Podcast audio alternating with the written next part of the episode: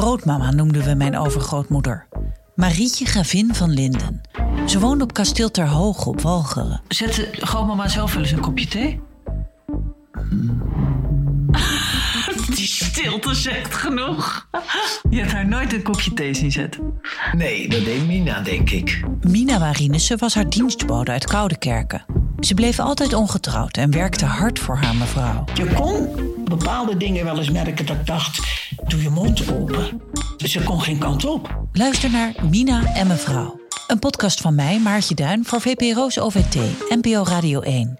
Hoe is het met jou? Oh, dat gaan we voor de microfoon doen. Die kan je er ook altijd afknippen.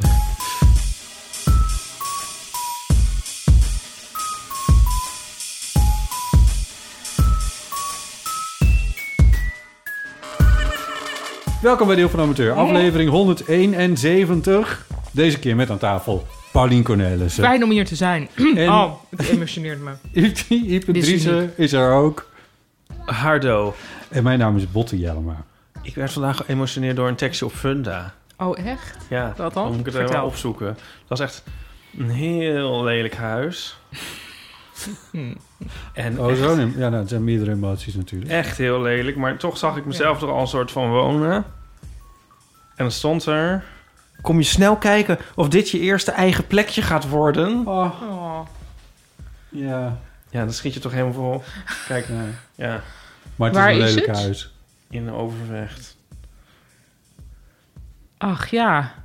Waarom kijk Wat je leuk. Funda in Overvecht? Al voor een vriend. Asking for a friend. Wat is dat? kijken of dit je eerste Wat is dat, eigen een plekje gaat boiler? worden. Kalkstenen muren. Maar ja, dat is toch leuk? Ja, het is wel Nou leuk. anyway, iedereen is een beetje een wrak, toch ook emotioneel gezien. Ja. Dat, eh, nou, weet je wat ik ook heb? Ik weet niet of jullie dat herkennen. Misschien is dat dus te veel tijd. Ja, zoveel tijd heb ik niet. Maar ik hoef niet naar het theater. En daardoor denk ik dat ik meer, veel meer kan obsederen over kleine dingen die er niet echt toe doen. Hebben jullie dat ook? Dat je dus af en toe moet denken... nee, maar wacht, zou ik dit in het normale leven Oh, eh, ook zo dat heb ik intens nog geen één keer gedacht, maar dat ga ik vanaf nu wel doen, nu je dit zo zegt. Ja, ik heb dus, nou ja, we hebben veel gecommuniceerd over de trui die ik heb gebreid. Maar ik heb daar zoveel over geobsedeerd. En over, dus even voor de luisteraars, ik heb een heel ingewikkelde trui gebreid met zes kleuren erin. En Noem was heel even het moeilijk. En evenveel fair eye, ja, een top-down sweater met een fair isle patroon in het rond gebreid. Ja, de kenners weten nu waar ik het over heb. Ja. En die is eigenlijk heel goed gelukt, behalve dat hij net een maatje te groot is. Nou, wat ik daar intens over heb gegoogeld, van kan ik hem dan in een beetje warm water leggen, dat hij een beetje krimpt, of dat soort. Denk ik, dit is toch Nee. niet normaal? Of Nee. wel? Nou Of ben ik dit eigenlijk? Weet Is het ik- juist wel ja. normaal? Maar dit zou je normaal niet doen? Nou, ja, ik heb wel heel veel Google-opdrachtjes. ik weet toen ik net moeder was geworden, dat ik op een gegeven moment zoveel, zeg maar, rode vlekjes, eh, ernstige ziekte, eh, baby, doe dit, weet je, allemaal van dit soort Ja, ja, ja. angst-Google-dingen. Ja. Toen had ik mezelf de opdracht gegeven, trouwens een super tip voor jonge moeders. Je mag alles googelen, maar in het weekend niet. Oh ja. En dan heb je twee Google-vrije dagen en dat biedt ineens heel veel lucht. Ja. Ehm, daar deed het me dus ineens aan denken. Dat ik dacht van nou, terwijl en een baby is dan nog het belangrijkste in je leven, een trui niet. Snap je? Ja. Het is Nou een ja. beetje lastig om hier nog op door te gaan na een baby. maar, maar, Nee, eh, maar hebben jullie niet ook in ja. deze periode iets meer dat je denkt, Ik, ik, kom ben, even uit deze Ja. ik, focus? ik maak wel heel veel wandelingen naar Zorgvliet de laatste tijd. Mijn vader zegt dat daar, ja, daar heb je nu niks aan, maar daar staat dus schijnt een fantastische vijgenboom die heel goede vijgen afgeeft. oh, Maar mensen vinden dat luguber om die op te eten, behalve mijn vader. oh daar Dus zou die- ik ook geen moeite Nou, mee hebben. Echt In Waarom het, zou dat ergens... Wat, geworteld in, in, In lijken. mens? ja, misschien is het daarom ook goed. Dat zijn ze niet. daarom zo lekker? Mijn vader vindt dat geen enkel Die probleem. sappen die zo... Ja, maar dat is natuurlijk overal, Ja. toch? Ja, Na- natuur is alles. Natuur is alles. Ik bedoel, wij zijn ook... Nou ja, pantarij. pantarij. Ik, ik, ik pluk ook graag altijd paddenstoelen op begraafplaatsen voor je voor Er je mogen iets meer filtertjes tussen zitten. Eh, zo- Wat zeg je nou? Brandnetels. Ik neem alles mee van begraafplaats. ik, ik scharrel daarmee de korstje bij elkaar.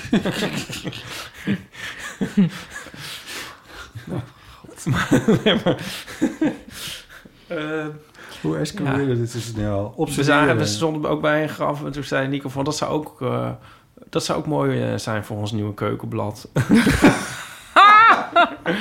ja, Ik las trouwens dat, eh, hoe heet die man? Ja, die man die Wiener heet en die Ja. allemaal dickpics had ja, gestuurd. ja, Anthony. Ja, die senator. Ja, Ja, Of senator mooi. heet dat natuurlijk. congressman, denk Of een ik. congressman of Ja. per- person. Volgens nou, weet ik veel. Iemand met een dus. functie. Ja. Nou, die heeft dus eh, uiteindelijk 21 maanden in de gevangenis gezeten... wegens sexting naar het minor. En ehm, 21 maanden? ja, Ja, Botte. en die, ja. Mij was een stuk korter. Maar het heeft een relevantie, want wat doet hij nu? Hij is nu CEO van een bedrijf dat ecologische Oh. aanrechtbladen maakt... Oh. die eruit zien als graniet... maar die zijn gemaakt van beton gemengd met verbrijzelde Heinekenflesjes. Verbrijzelde Heinekenflesjes. Ja, maar dan dus natuurlijk helemaal geschuurd... zodat je niet Nee, je elke keer op- bloed aan je hand hebt... als je iets op het aanrecht zet. Ja. Nou, heel specifiek. Dat het Heinekenflesjes... nou, ook volgens mij wel andere flesjes... want je kunt ook verschillende... ik neem aan dat dan Heinekenflesjes voor de groentinten zijn... Ja, exportbier, hè? Ja. Ja. Maar je, hebt ook, je kan ook blauw tinten. Kan ook in je nepgraniet. Maar ik vond dat een goede optie. Ja, ik vind het ook iets Oh, nee. beter dan dickpics naar minors sturen. Ja, en het is ook beter dan een echt granieten Oh, ook dat, eh, ja. aanrechtblad. dat is het punt. Ja, ja. Nou, ik zat ook wel te... Nou ja, ik vind dus die begraafplaatsen... ehm, ja, is dat nou ook niet uit de tijd? Het neemt een hoop ruimte en gedoe eh, in beslag en zo. Er is denkt, eh, ja. eh, twee maanden geleden of zo was een nieuwtje dat, er, dat het... eh, God, wat was die term nou? Maar dan, dat je je lichaam kan oplossen in een, eh, in een bepaalde stof... is in Nederland goedgekeurd als Oh, de echt? derde mogelijkheid. Dat heb ik ook Oh. gehoord. Ja. Oh, Nou, nu het vinden jullie het ja, Alles wat hiervoor gezegd was...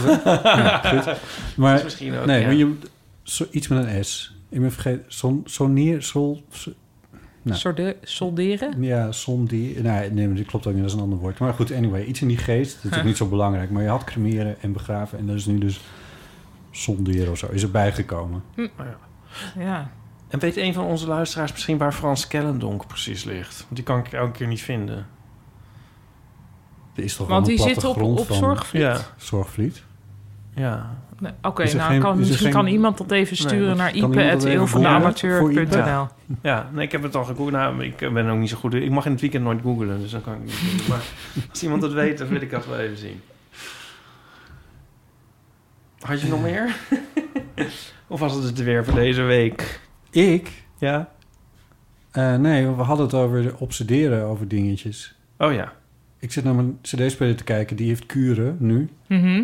En daar ben ik een beetje door geobsedeerd. Nou, dat bedoel ik. En ik vraag me af of de luisteraartjes dit ook herkennen. Dit soort kleine binnenshuis dingen die dan ineens dan, enorme vormen gaan en dan kan ik aannemen. inderdaad ook in zo'n hele vortex eh, Ja. terechtkomen van googelen hoe, dat, hoe ik dat Ja. oplossen. En als ik dat dan niet op kan lossen, hoe ik dan een workaround kan bedenken. Dat, het, dat Ja, het en, filmpjes met een of andere gast die dat dan aan het doen is. Ja, want er is altijd een filmpje Ja. van een gast die... Ja, in het eh, geval van Breien is dat dan een gastin. Ja, Ehm, dat zou je net zien. Oh, ja, hier had Julius Koetsier van Schokkend Nieuws een goede tweet over. Dat je dan zo'n zo'n tutorial gaat kijken op YouTube...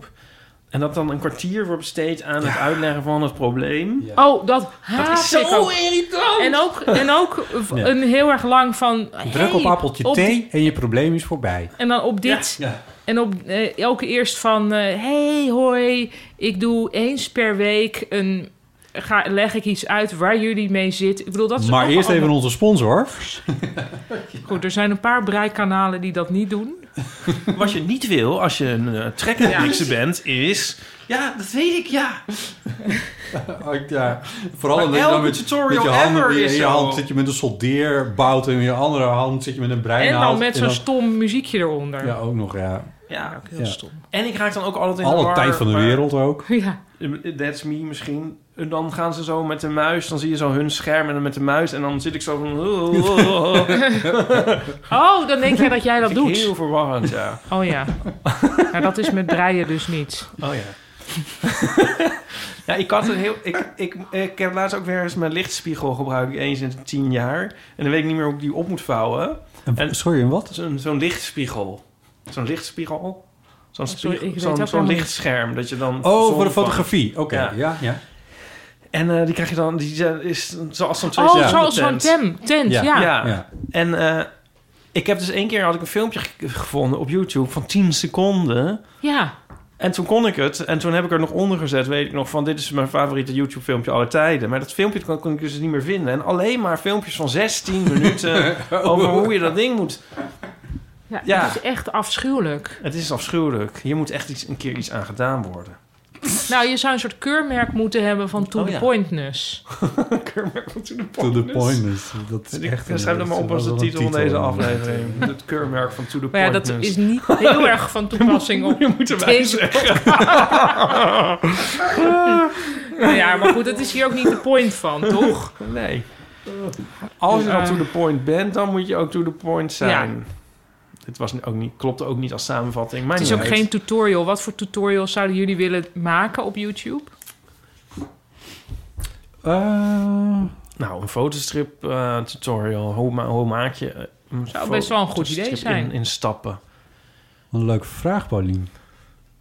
Ik heb er wel eens een beetje over gedacht van zou ik niet... En Ik hoe zou- maak je een podcast Ja, tutorial? alleen wat ik dus heel vaak zie, ook bij podcast... Er zijn wel, pod, er zijn wel bijvoorbeeld Engelse pod- filmpjes over podcasting en zo. Mm. Maar dat draait echt binnen, binnen, de, binnen no time gaat dat over apparatuur. En dan Ja. vind ik apparatuur Nee. heus interessant. Maar, ja, maar dat moet niet het eerste zijn. Nee. nee. dat vind ik niet een goed onderwerp voor... Nee.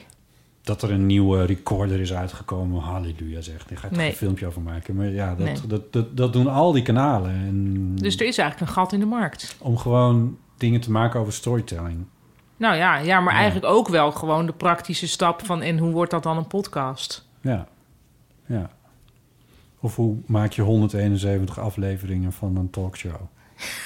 Ja, dat, dat soort dingen. Ja. Ja.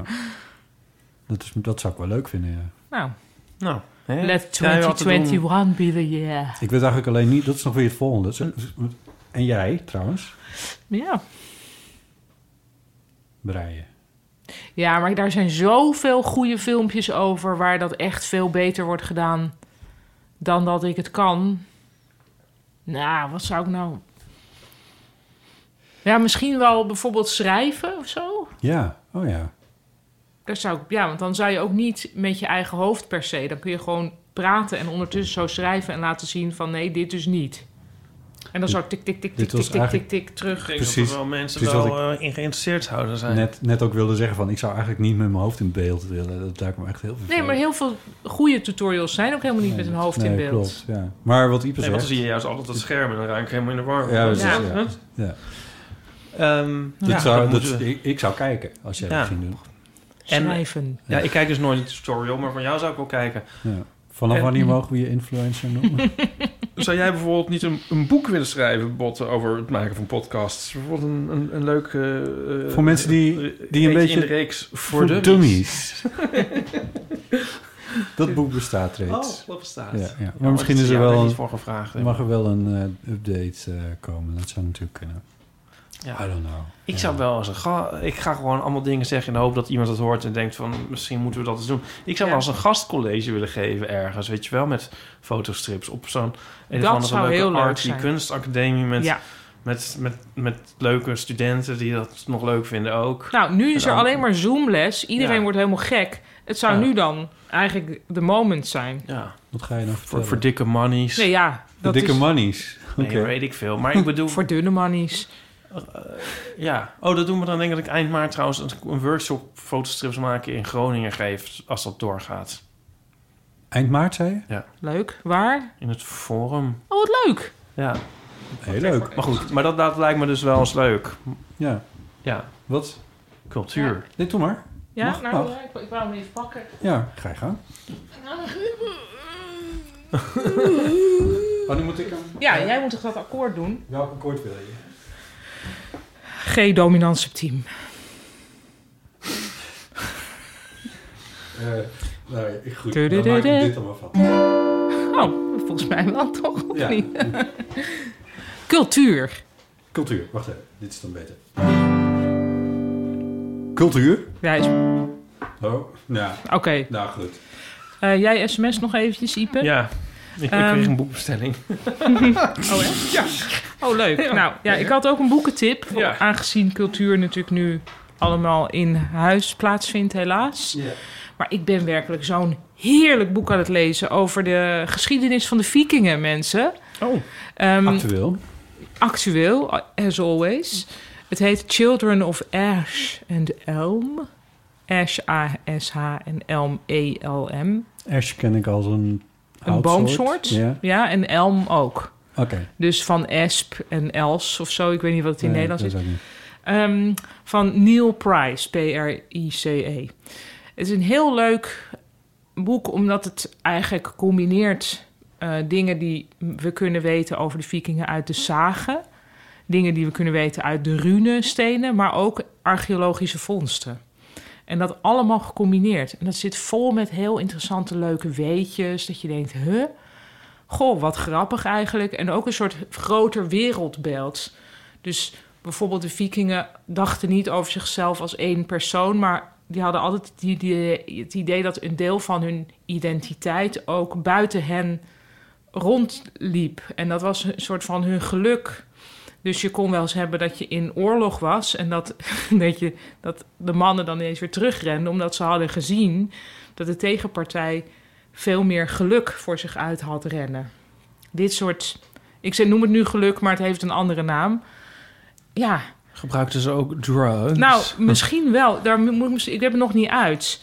Maar ook bijvoorbeeld de natuur, het bos. Dat was voor, voor ons is dat oh, lekker dat je alleen kan zijn in de natuur. Voor hun was het helemaal vergeven van de Oh, ja. magische dieren, elfen, trollen, dat soort. Ja. Ja, vind ik gewoon ook interessant.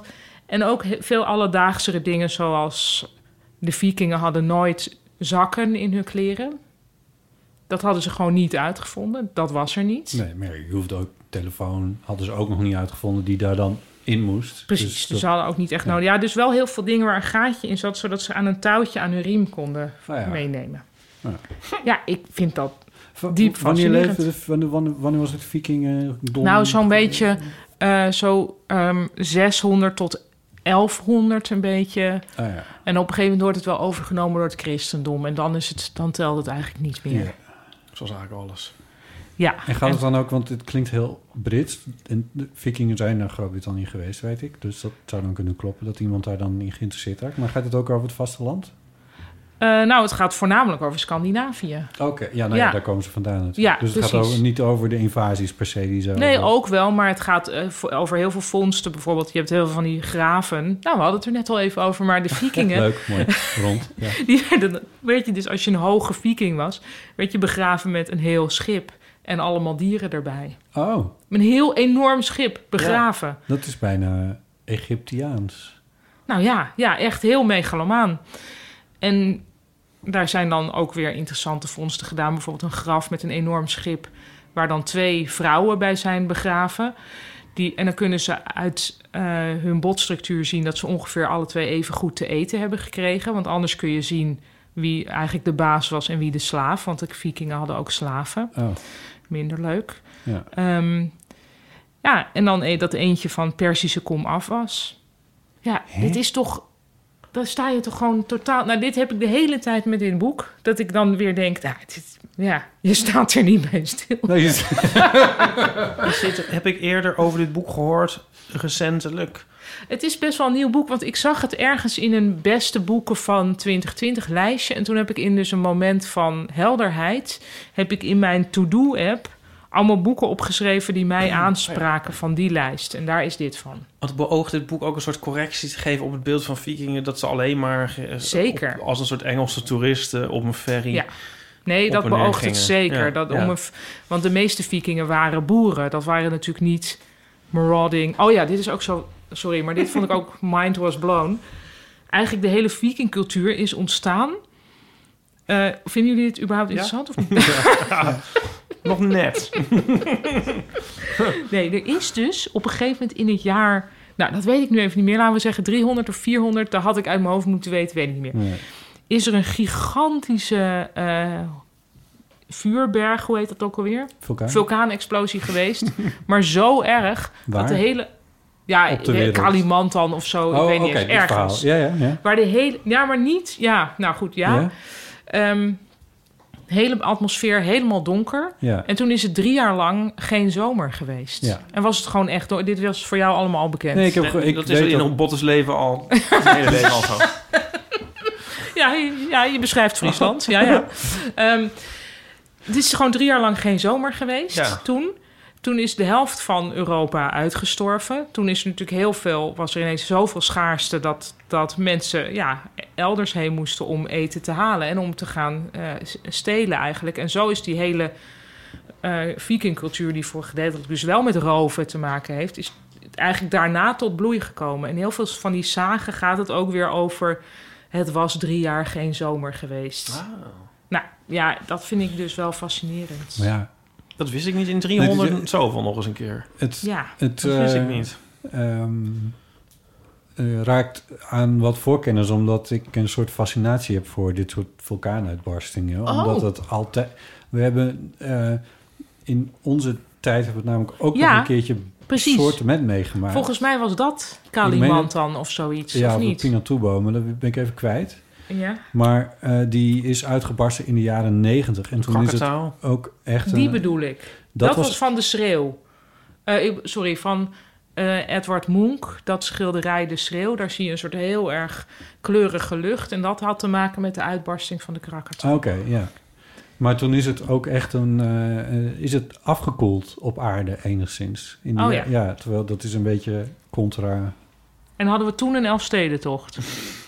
Ehm, nou, dat heeft vervolgens, voor zover ik weet, heeft dat weer meer te, ma- meer te maken met, ehm, met de zonnen, eh, zonne, eh, hoe heet dat nou?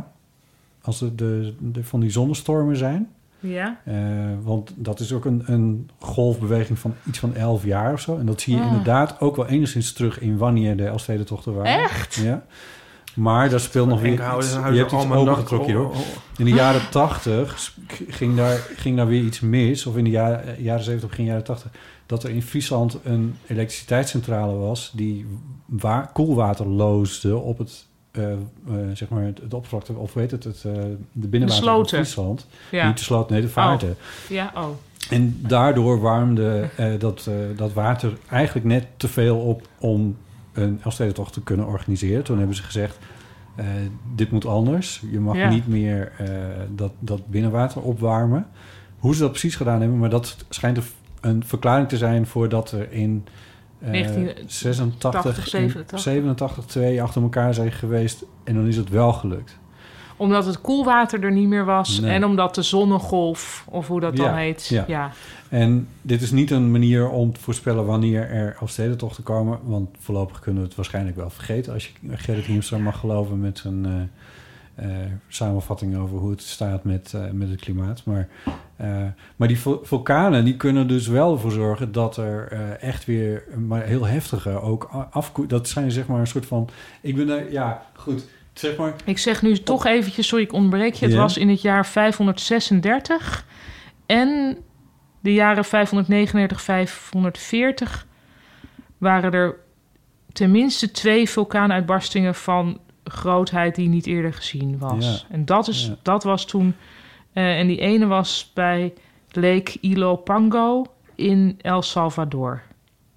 Wauw. Oké, dat was dat. Ik, anders denk ik, dan gaan mensen die ergeren zich kapot die dit weten. Ja, misschien wel, ja. Al die mensen die dit weten. Is er al een Elfsteden, to- eh, Elfsteden podcast? Ehm, ik, ik meen van wel dat er iets is geweest daarover, maar ik weet, ja, ik bedoel, zie nou waar, overal opeens een podcast in. Ja, echt? Ja, toch? Voor dit soort verhalen bedoel je? Ja. Of je kan Wij hebben nu thuis dat we er voor het eerst mogen we dus niet hopen op de Elfstedentocht, omdat die Nee. nu niet gereden mag worden. Ja. Ja, ik heb hier een heel grappig stripje over bedacht. Maar dan Oh. moet hij wel... Ja, het stripje gaat zo van... Als ik het kan vertellen, zo van... Ik had me zo verheugd dat het dan nu corona is... En dat het dan opeens een keer zo koud zou zijn... dat de Elfstedentocht zou kunnen doorgaan... maar dat hij dan niet zou kunnen doorgaan. Maar ja, dat gaat dan nou natuurlijk ook alweer niet door. Ja, maar als hij door zou, ga- hem zou kunnen gaan, als Ja. er ijs was, dat zou bij ons thuis Maar dat serieus gaat al een niet heel... door. Ja, dat snap ik. Ja. Ja, maar dat gaat ook weer niet door. nee, al niks gaat door. Er gaat ook niks door. Ik zou echt serieus echt heel erg medelijden met Chris hebben als dat... Ja, als dat gebeurt, dat is gewoon verschrikkelijk. Ja, nou, het ziet Nou, er laten niet we daar niet er over nadenken. uit dat het gaat gewoon maar eh, droevig zijn om de dingen die inderdaad aan de hand zijn... en niet omdat er Precies. nog niet... Hè? Precies. Zal ik ook mijn cultuurtip doen? Tuurlijk. Wil je ook een akkoord? Ja. Welke wil jij? Ik wil eh, gewoon geen mineur. Minu. Geen mineur, gewoon. Cultuur. Ehm, mijn cultuurtip is... eh dit is echt zo'n... eh, ja, is het een cultuurtip? Ik ben gewoon enthousiast over het boek dat ik lees over de Deventer moordzaak. Ik geloof dat het ook zo heet. Dat weet ik eigenlijk niet eens. En zou wel een goede titel zijn voor een boek daarover. ja, hè? en het is geschreven door Bas Haan, meen ik. Weet ik eigenlijk ook niet zeker. Eh, ik ken een Bas de Haan, maar dit is dan Bas Haan. Nou ja, en ehm, er is nu een herziene editie. Want er was er al een in 2009, maar nu is er een herziene editie. En er komt binnenkort een film van. Onder de naam De Veroordeling. en wat zijn jouw, jouw tidbits of glory in dit boek? Nou, wat ik vind het dus sowieso helemaal fascinerend. Maar wat ik grappig vind is dat voor de nieuwe editie erop staat... Wat als fake nieuws je leven verwoest. en ehm, dat is namelijk het ge- gebeurt met de klusjesman, tussen aanhalingstekens... die geen klusjesman is. Je- misschien moet je even een beetje Oh. ons invullen. Weet je dat niet? Ja, nou, dus, dus er is iemand veroordeeld. eh, ehm, de boekhouder... de- er was een weduwe vermoord in, in eh, 1999. In Deventer. Deventer, denk Ja. ik, ja. En ehm, haar boekhouder, eh, die eigenlijk niet haar boekhouder was, maar goed, die is daarvoor eh, opgepakt en veroordeeld. En ehm, uiteindelijk, en Maurice de Hond, die, ehm, hij, hij hield vol onschuldig te zijn. En Maurice de Hond, die geloofde dat. En die heeft toen ehm, de klusjesman van de weduwe, eh, het was meer een huisvriend, maar goed, aangewezen als eh, dader. En, ehm, en ehm, dat was ook zo. Nee, Nee. Ook Nee, niet. Dat, dat Nee. weet ik van. Dat is eigenlijk het enige wat ik ervan weet. Dat Ja, oh ja, ik heb het schandalig altijd, altijd al hoe die man gevolgd. daar Ja, ik dacht dat iedereen dit wist. Nee, Ja, ik heb oh, dit dat weet je niet. En Wanneer uiteindelijk is, is het graf van die weduwe nog geopend. Ja. Omdat er een mes zou liggen, wat er helemaal niet was en zo. Nou, Maurice Hond heeft zich echt heel schandalig opgesteld in dat alles. Maar ehm, ja, het is grappig dat die angle, die, is, die werkt eigenlijk heel goed als je het nu leest. Over, want het staat er Over zo van- fake news. Ja, want je denkt zo van, jezus, wat- oké, ja, zo kun je een boek verkopen. Maar eigenlijk is het echt heel erg waar. Want hij weet de hele tijd zo de publieke opinie te bespelen. En die klusjesman, die gaat er dus helemaal aan onderdoor. En iedereen raakt zo'n soort swept up in dat verhaal en zo. En ik kan me dus herinneren van uit al die jaren... want het is dan nu 21 jaar geleden... dat... ehm, ja, ik daar ook heel vaak... Oh, eh, eh, ik bedoel, elke keer was het op het journaal... en dan denk je van, oh, zo, dan toch? En goh, is dat zo? En Ik was toen in Japan, denk ik, als, in 1999. Ja. ja nee, toen was ja, maar het werd pas echt eh, een eh, hot topic eigenlijk in 2006 of zo. Toen, oh, toen was ik begon gewoon Maurice de Hond zich ongeïnteresseerd, ermee denk ik. bemoeien. Ja. Nou ja, het kan bijna als een soort, soort parabeltje dienen van de moderne tijd. Nou, het is soms heel moeilijk te geloven, vind ik, dat mensen in allemaal complottheorieën Oh, zo, trappen. ja. En dat je Ja. denkt van, hé, hoe kunnen mensen nou, hoe kunnen ze dit nou weer denken? Ja, Toch? Ja. Dat is nu toch heel erg aan de hand. ja. En je zeker. Dat denkt je het echt van, totaal niet kunt begrijpen hoe dat dan... Ja. En als je zo'n boek, als je dit boek leest en zelf wel eens hebt ook meegedacht van, oh, zou dat mes er echt liggen? Hoe heeft hij dan toch gelijk en zo? En daarin, en dus eigenlijk van toeten nog blazen weet. En daar, dan, je kan daar eigenlijk best wel zelf, snel ook zelf tot op zekere hoogte in terechtkomen. Dat vind ik wel ja. leuk. Maar ik, ik neem dat Ter- dus... Of misschien zelfs zitten. Hè? Of zitten. Wat? Nou, het Maar- kan ook dat Ja, wij al nee, dingen zeker. geloven die niet... Ja. Oh ja, nee, nee. Dat zijn zeker dingen die wij voor waar aannemen... die dat waarschijnlijk niet zijn. Maar ik vind dat er altijd... In, di- in dit geval is er dan bijvoorbeeld zo'n Maurice de Hond... die daar gewoon echt een heel belangrijk, belangrijke rol in speelt. En ik heb dat nooit begrepen. Waar bemoeit die man zich in vredesnaam mee? Nou, ik snap wel dat als je nou oprecht gelooft dat er onrecht is eh, ge- gepleegd, dat je daar dan iets Ja, aan maar daar wil is dus doen. geen bewijs voor. Nee, maar bijvoorbeeld bij eh, Lucia de B was ook. eh, die, die was veroordeeld. En dat de mensen die voor haar hebben gevochten. hebben natuurlijk ook allerlei obstakels moeten Ja. overwinnen. En die werden niet geloofd, want het was toch allemaal bewezen dat zij het had gedaan. Dus ik snap nog wel dat je denkt. Ja, ik, ik bedoel, ik ken Ik dus die David de. Moordzaak niet. Maar ik snap wel dat als je op een of andere vanwege een of ander iets toch reden hebt om te geloven dat het niet zo is, dat je daar dan iets aan wil doen. Ja. Dat snap ik wel. Ja, nee, dat is ook zelfs Nou ja. wel de prijs. Alleen het probleem is dat hij dus iemand anders als moordenaar als, als schuldig gaat aanwijzen. En het is eigenlijk zo, ja, om het even, oh, Precies. die, die, die, die eh, boekhouder die is in eerste instantie vrijgesproken, in hoger beroep veroordeeld, maar op ondeugelijk bewijsmateriaal. Dat is ook zo. Alleen later is er eh, nieuw bewijsmateriaal naar boven gekomen. En toen had, had Maurice de Hond gewoon zijn, zijn pogingen moeten staken, zeg maar. Maar toen zat hij er al zo in Ja. dat hij dat dan... Dat daar, dat niet meer daar lukte. gaat het allemaal mis. Ja. Ja. Ja. Maar waar zouden wij al helemaal ongelijk over hebben? Dat vind ik altijd wel... Dat vind ik een steeds Ja. interessantere vraag. Nee, maar dat... Ja. Nou ja. Misschien zijn wij wel heel kut. ja. Toch? Ja, dat zou kunnen. Ehm, ehm, ik denk Just dat, asking the question. nee, nee. Ik zit, ik zit te bedenken waar het al vandaan kwam, maar ik zit af en toe zit ik van die dingen te googelen. Eh, oh ja, ik denk dat het toch komt van dat ik nu de Big Bang Theory aan het kijken ben. Een televisieserie over stelneurs en zo. Dus dat is Ja. eigenlijk, eh, het ik vind het eigenlijk best een leuke serie. Het is niet heel woke, maar het is wel leuk. Ehm, en daarin zitten wetenschappers. En die hebben dan toch de hele tijd over ontdekkingen en zo. En de grap is dat die serie die is begonnen voordat bijvoorbeeld het eh, Higgs-deeltje was ontdekt. En op een gegeven moment wordt het dan ontdekt en dat wordt die serie dan ook ingeschreven. Mhm. En dan denk je van, het is zo grappig, dat is zo recent dat dat ontdekt wordt, waarbij twee hele grote theorieën uit de natuurwetenschappen aan elkaar kunnen worden gekoppeld, Mm. die ik ook niet begrijp. Ja. Maar zo komen er af en toe nog meer dingen en die zit ik dan te googlen en denk ik van, oh, dat is ontdekt in 1986. Dat is nog niet zo lang geleden. Daarvoor wisten we dit dus kennelijk allemaal niet Nee. snapten we dit deel van de en dingen die nu niet die ik ook niet per se begrijp, maar eh, en en naarmate je- daar wat meer in verdiept, goed, dit is niet nieuws, maar dan realiseer je hoe ongelooflijk snel de wetenschap in de afgelopen pak een beetje 50, 60, 70 jaar erop vooruit is gegaan. Nou, laten we zeggen 100 jaar erop vooruit is gegaan. Hoe snel die ontwikkelingen zijn gegaan en hoeveel ontzettend weinig. En dus ook weer net weer die vikingen waar je het over had, die zo'n bos dan heel erg magisch vinden. Mm. Daar kan ik me wel iets bij voorstellen, want je snapt natuurlijk helemaal geen fluit van de wereld als je in die periode leeft. nee, hoewel zij dus wel het idee hadden dat ze het snapten. Ja, maar waar je ziek van wordt of waar je. Ja, maar dus hoe ze hadden natuurlijk voor zichzelf wel een kloppend wereldbeeld. Ja, ja, ja. Maar. Zoals wij dat ook tot op grote eh, hoogte hebben. Ja. Ja, en Hugo de Jong. Precies.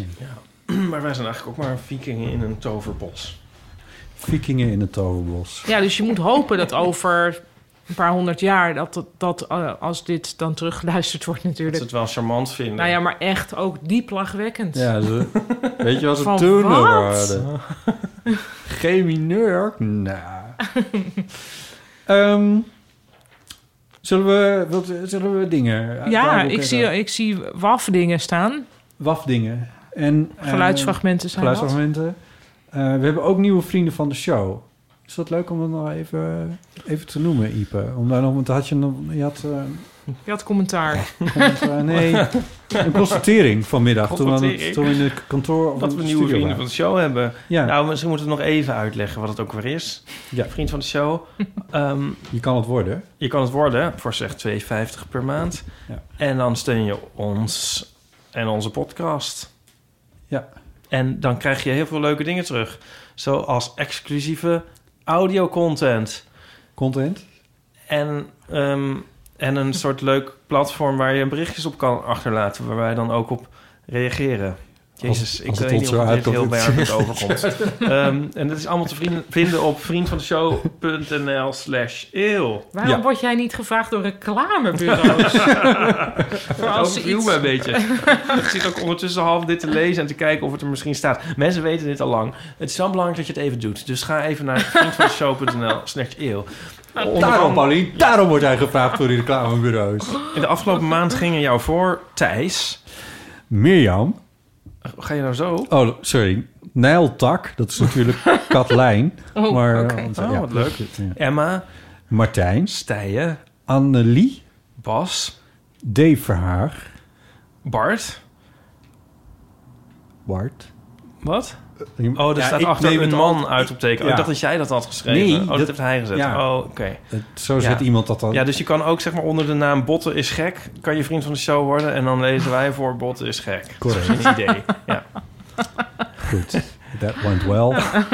ja. Eh, Joris, Mirjam. die hadden we dus al genoemd, maar vooruit. Oh ja. Rosanne, Jolieke. Nora, Mara. Suzanne, Petra. Mirjam, Daan. Anne, Piotr. Geeske, Sjoerd. Geeske?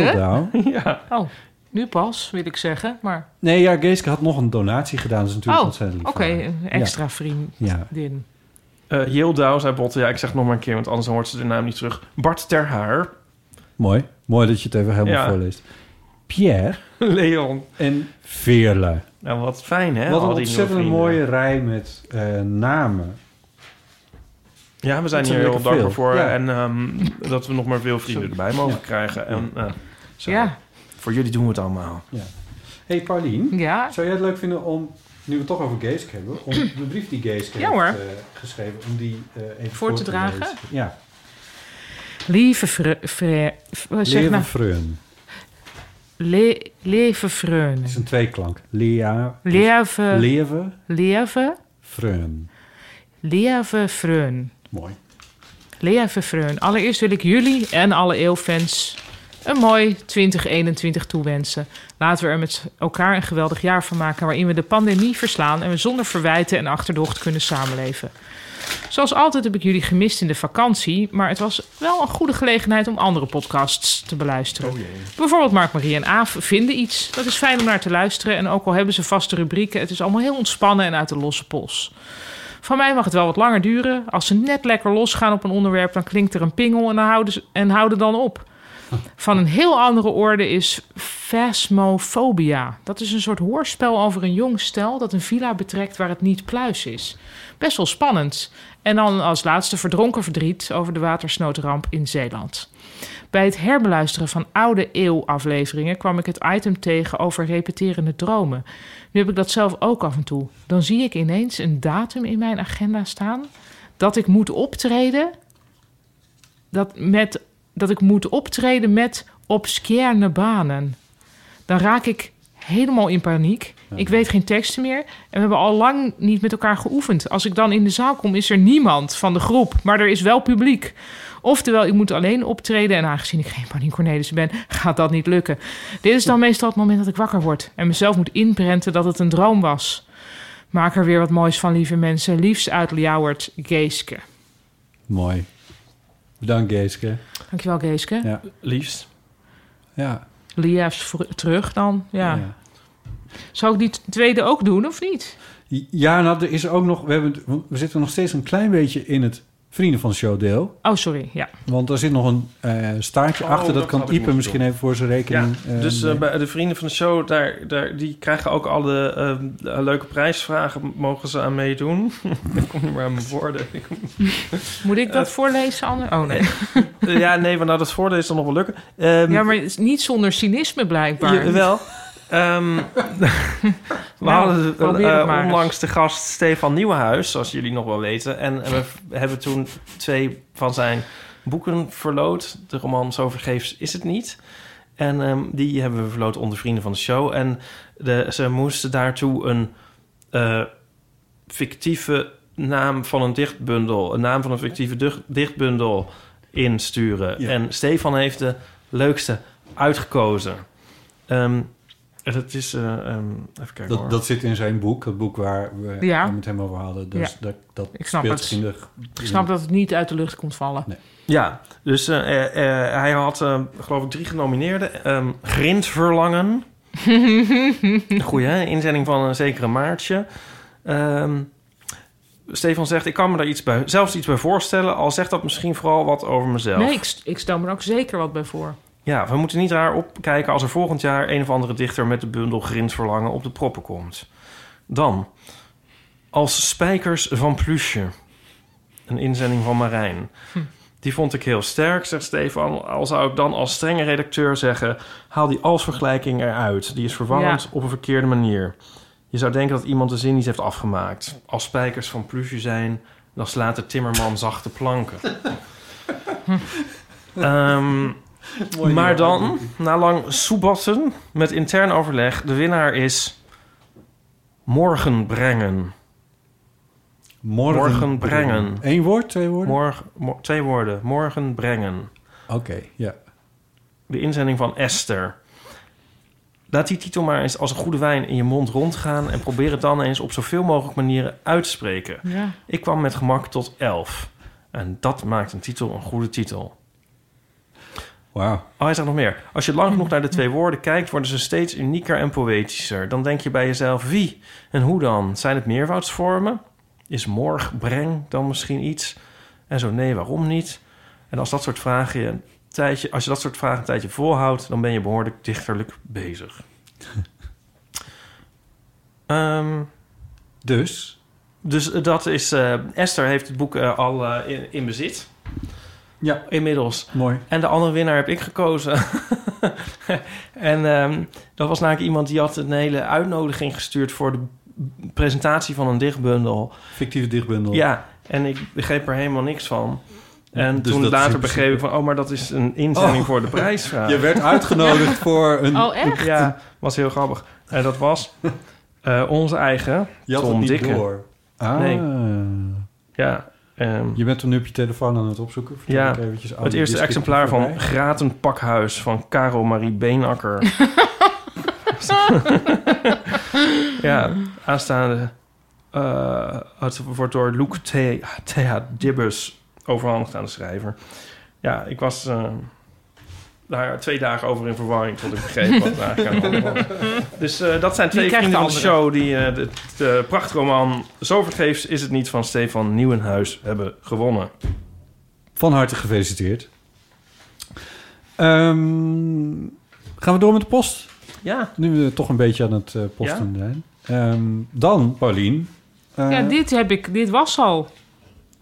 Dat was... Oh ja, dat is... Wacht even. Ja, dit ging over de LH post hebben we dat, eh, LHBTI. Ja, dat hebben de luisteraars nog niet oh, gehoord. dat hebben de luisteraars nog niet Nee. gehoord? Hebben luisteraars Nee. nog niet gehoord? Nee. Nou, ik... eh, Zal ik het voorlezen? Ja. Sure. Hoi allen. Jullie hadden het in de laatste aflevering met Paulien over de LHBTI-monteur. En Paulien vroeg zich af of deze bestonden. Volgens mij kwam dit onderwerp ook een keer voor in een van de kerstspecials. Hierbij bevestig ik dit, smiley. Ik ben namelijk zelf meubelmaker en daarnaast ook actief als klusjesman. Voor mij is het vaak dat er een mini-coming-out moment is op het moment dat ik bij mensen over de vloer ben. Men gaat er bij mij juist van uit dat ik hetero ben en stelt soms vragen of maakt opmerkingen over mijn niet bestaande vrouw. ik vervang dan vaak het woord vrouw in mijn hoofd maar naar vriend. Soms maak ik wel bekend dat ik een vriend heb, maar vaak denk ik: ik kom deze mensen waarschijnlijk toch niet meer tegen. En ik kan, ik kan wel altijd alles uit gaan leggen, maar dat voelt in die situatie niet altijd relevant. Al is het soms ook wel weer leuk om verwachtingen van mensen te doorbreken op het moment dat ik vertel dat ik een vriend heb. Zou ik het eigenlijk altijd moeten duidelijk maken aan de mensen in het kader van een soort LHBTI-normalisering? Of is het normaal dat ik vaak niet echt reageer op vragen of opmerkingen die er. En, die er, hm, en het er dan, er staat even iets niet, die er zijn en het er maar bij laat zitten. Nou ja, ik hoor graag over hoe jullie erover denken. Groetjes, Koen. Nou ja, tegen zoveel luchtigheid is niks opgewassen. Dus Nee, maar betreft- deze man moet natuurlijk eh, zijn bedrijfsnaam even in de show notes. Want iedereen wil deze gast als klusjesman, toch? Correct. Ja. Ik meteen. Namelijk, ik kan nu dingen bedenken die hij mag komen doen. Ja. Ik zou het zeker toch ja, wel overal laten doorschemeren. Want Ja. stel nou dat hij als klusjesman was geweest bij jou, Ipe. Ja. Dat had dan toch heel veel spanning uit de lucht gehaald. Ja, maar Ja. dan had ik niet zo'n mooi boek gemaakt. dat is waar. Nee, nee, maar ze, ja, ik, ik zit te wachten tot er iets stuk gaat. Ja. Want wij hebben zijn e-mailadres, toch? Hoe is het tot ons gekomen? ja, dat kan toch bijna niet anders? Ja, Ja. dat is een mailtje. Nee, ja. Ik ga zelf iets stuk maken anders. Ik heb een raar ding in mijn keuken, een soort flikkerend lichtje. Oh, nou niet, no pun intended, maar ehm, dat zou ik nou misschien kunnen Oh, repareren. Nee, maar het ging echt per ongeluk. ik. Ehm, ja. Nee, hij moet, Leg eh, wat koemers uit. hij moet dat wel... eh, ja, hij moet bij veel mensen dingen komen doen, denk ik. Ja. We horen eh, graag of, je, of we nog even je bedrijfsnaam eh er In de show zullen notes. ver- Ja, precies. oh ja, de En- show notes. en Zet het op Vrienden van de Show. Meer klusjesmannen zijn, want dan gaan we gewoon een hele... dan gaan we hele En klusjesvrouwen, hè? Klusjesvrouwen. Ook. Ja, Fijn. ja. Ja, dat is een markt, mensen. Dat is een markt. Het is een definitely een markt. Ja. Oh, dit was ook de LHBTI-monster. Ja, nou, dit is, eh, dit is... Oh, we zijn, schiet al op. nou, Oh, dan hebben we alleen nog de EOFoon. nog even. Dank u wel. Heb je nieuwe truibotten? Ja, Leuk. Ja zit de hele tijd te kijken wat staat. Ja, nudie jeans, denk ik. Oh, no spawn. op zichzelf een eh, redelijk eh, wel merk dat geen verdere stimulans nodig heeft of zo. Maar haar, het was natuurlijk lockdown, dus ik kon helemaal niet naar een winkel. Dus ik had deze een beetje op de gok besteld. Nou, maar hij, eh, it fits you perfectly. En ik heb eigenlijk nog nooit zo'n lekkere trui gehad als deze. Jeetje. Ja, Ja. maar hij staat ook fantastisch. Ja, Ja, dankjewel. Ik zie ook dat je hem niet zelf hebt gebreid. Nee, het is... Oh, oh. Ehm, goed. Ehm, we hebben best veel eofoon berichtjes. Dus waarom beginnen we er niet gewoon mee? Omdat ik niet heb opgeschreven wat, wanneer en hoe, wat? Ja, dit is ook nog, hè, de theezakjes. Ja, de twee zakjes. Nou ja, laten we eerst even een, een Ja. eeuwofoon. We kunnen toch ook wel lekker door elkaar heen doen, of Ja. niet? Ja, precies. Zo is dat. Eh, een anonieme inzending met een verhaal over stelen. Ik was eh, met mijn vriendje bij Lowlands. En eh, op de allerlaatste dag eh, had ik best wel een kater. Dus ik verlangde heel erg naar drinken. En dan met name naar een tropisch drankje. Dus eh, iets als taxi of wiki. En ik zag, ik zag ook allemaal van die pakken drinken liggen in de, op de camping. Op de grond. Maar ja, die waren natuurlijk allemaal van andere mensen. Dus eh, ik durfde ook niet te vragen of ik, of ik dat mocht, mocht hebben. Dus toen dacht ik, oké, dan gaan we wel naar het terrein en dan kunnen we kijken of we daar iets tropisch kunnen vinden. Maar wat blijkt, het is, ja, alle drinken komt van Coca-Cola of van Heineken, dus, dus daar zit helemaal niks tropisch tussen. Dus toen we s'nachts terugkwamen bij onze tent en we al eh, dronken waren, toen durfden we ineens wel ehm, dat drinken dus te stelen. En we zagen een pakje wiki liggen, een tropische smaak, eh, vlak bij onze tent. Dus dat was van onze buren. En ik zei echt direct tegen mijn vriend: Oké, pak hem, pak hem. Pak, de, pa- pak het pakje wiki. Dus eh, ik loop achter hem en ik zie hem zo bukken en hij pakt dat pakje wiki. En dat, zodra hij het in zijn hand heeft, horen we achter onze stem zeggen: Dat is niet van je. Dat is niet van jullie. Blijf er vanaf. dus we schrokken ons dood. Dat was dus een man. eh, die kende ook die mensen van wie dat pakje wiki was. Dat was blijkbaar ook onze buurman. en wij schrokken ons echt dood. Echt alsof we kinderen waren die, die betrapt werden op iets stelen. Want we voelden, ja, hij voelde ook echt als een soort van autoriteit. Als een soort vaderfiguur die je keihard straft. dus we lieten het pakje vallen of we gaven het terug. Ik weet het niet meer. En we waren echt doodsbang. We gingen in onze tent en we durfden er de hele nacht niet meer uit te komen. Terwijl we eigenlijk nog moesten plassen en onze tanden moesten poetsen. En we zaten in die tent en we hoorden die man ook naast ons eh, tegen die andere mensen zeggen van... Ja, die mensen die in die tent, die wilden dus jullie pakje wiki stelen. En we waren zo bang. En we durfden dus heel de nacht niet uit de tent te komen. Behalve toen het echt helemaal stil was. Een paar uur later. Eh, en ook de volgende dag durfde ook eigenlijk niet meer naar ja, de tent uit te komen om hem af te breken en naar huis te gaan. En ik voel me echt nog steeds zo. Ja, ik, ik voel nog steeds die schaamte. En ik heb nog steeds zo erg spijt van dat wij toen dat pakje Wiki wilden stelen. Ah. Ja, wat een heerlijk bericht dit. Ja, dit is echt, Ah. echt ingesproken. Dit is helemaal, dit is Dit echt, is helemaal dit kan niet, niet waar zijn. Nee. Dit is, ja. Nee, want Wiki, dat verzin je er ook niet bij. Dus er was weer Deze openbare biecht is misschien ook wel weer... eh, misschien brengt dit iets, iets van verlichting. Dat Ja. zou mooi zijn, ja. Ja. Ja, want ze was er nog niet klaar mee. Nee. Nee, dit, Nee. dat had nog geen plaats. Nee. Nog geen plekje. Nee, nee. Dat geloof ik ook niet. Goed. ehm, Is die andere dan niet ook leuk van stelen? Als het toch even... eh, Is het niet een goed idee om het zo thematisch te bundelen? ja, maar ook weer niet. Deze podcast krijgt zo langzamerhand een beetje het- toch het karakter van een vergadering. Ja, Maar goed, ja, oké. kunnen we wel een keer... kunnen we dat niet een keer uitwerken? Om echt helemaal volgens agendapunten... Ja, dat lijkt me leuk. Maar dat, jullie zitten hier letterlijk met agendapunten. ja, ik krijg, ik krijg die ongevraagd voor mijn nou goed, maakt niet uit. Maakt niet uit. Ehm, nee, de- de- de- er komen, er komen nog twee verhalen op stel. Nee, ik, laat mij even, ik geef me over aan de De voorzitter. voorzitter heeft er denk ik over nagedacht. Nou ja, half. Ehm, laten we even luisteren naar eh Cindy, die een verhaal heeft over een coming-out op een Montessori-school. Ik ben wel ervaringsdeskundige in het eh, coming out op de middelbare school. Het, eh, ik kom namelijk net van de middelbare school. Ik heb net op ehm, het Montessori Lyceum gezeten in Amsterdam. En ehm, nou, ik weet niet of jullie die school kennen, maar dat is wel een van de meer ja, progressieve randstadscholen. Ehm, voornamelijk wit en eh, allemaal, nou ja, eh, zuidkakkers en zo. Ehm, nou, het kakkervergehalte valt eigenlijk wel mee, maar nou ja, jullie kunnen het je wel voorstellen. Ehm, en daar ben ik ja, een paar jaar geleden alweer uit de kast gekomen als biseksueel.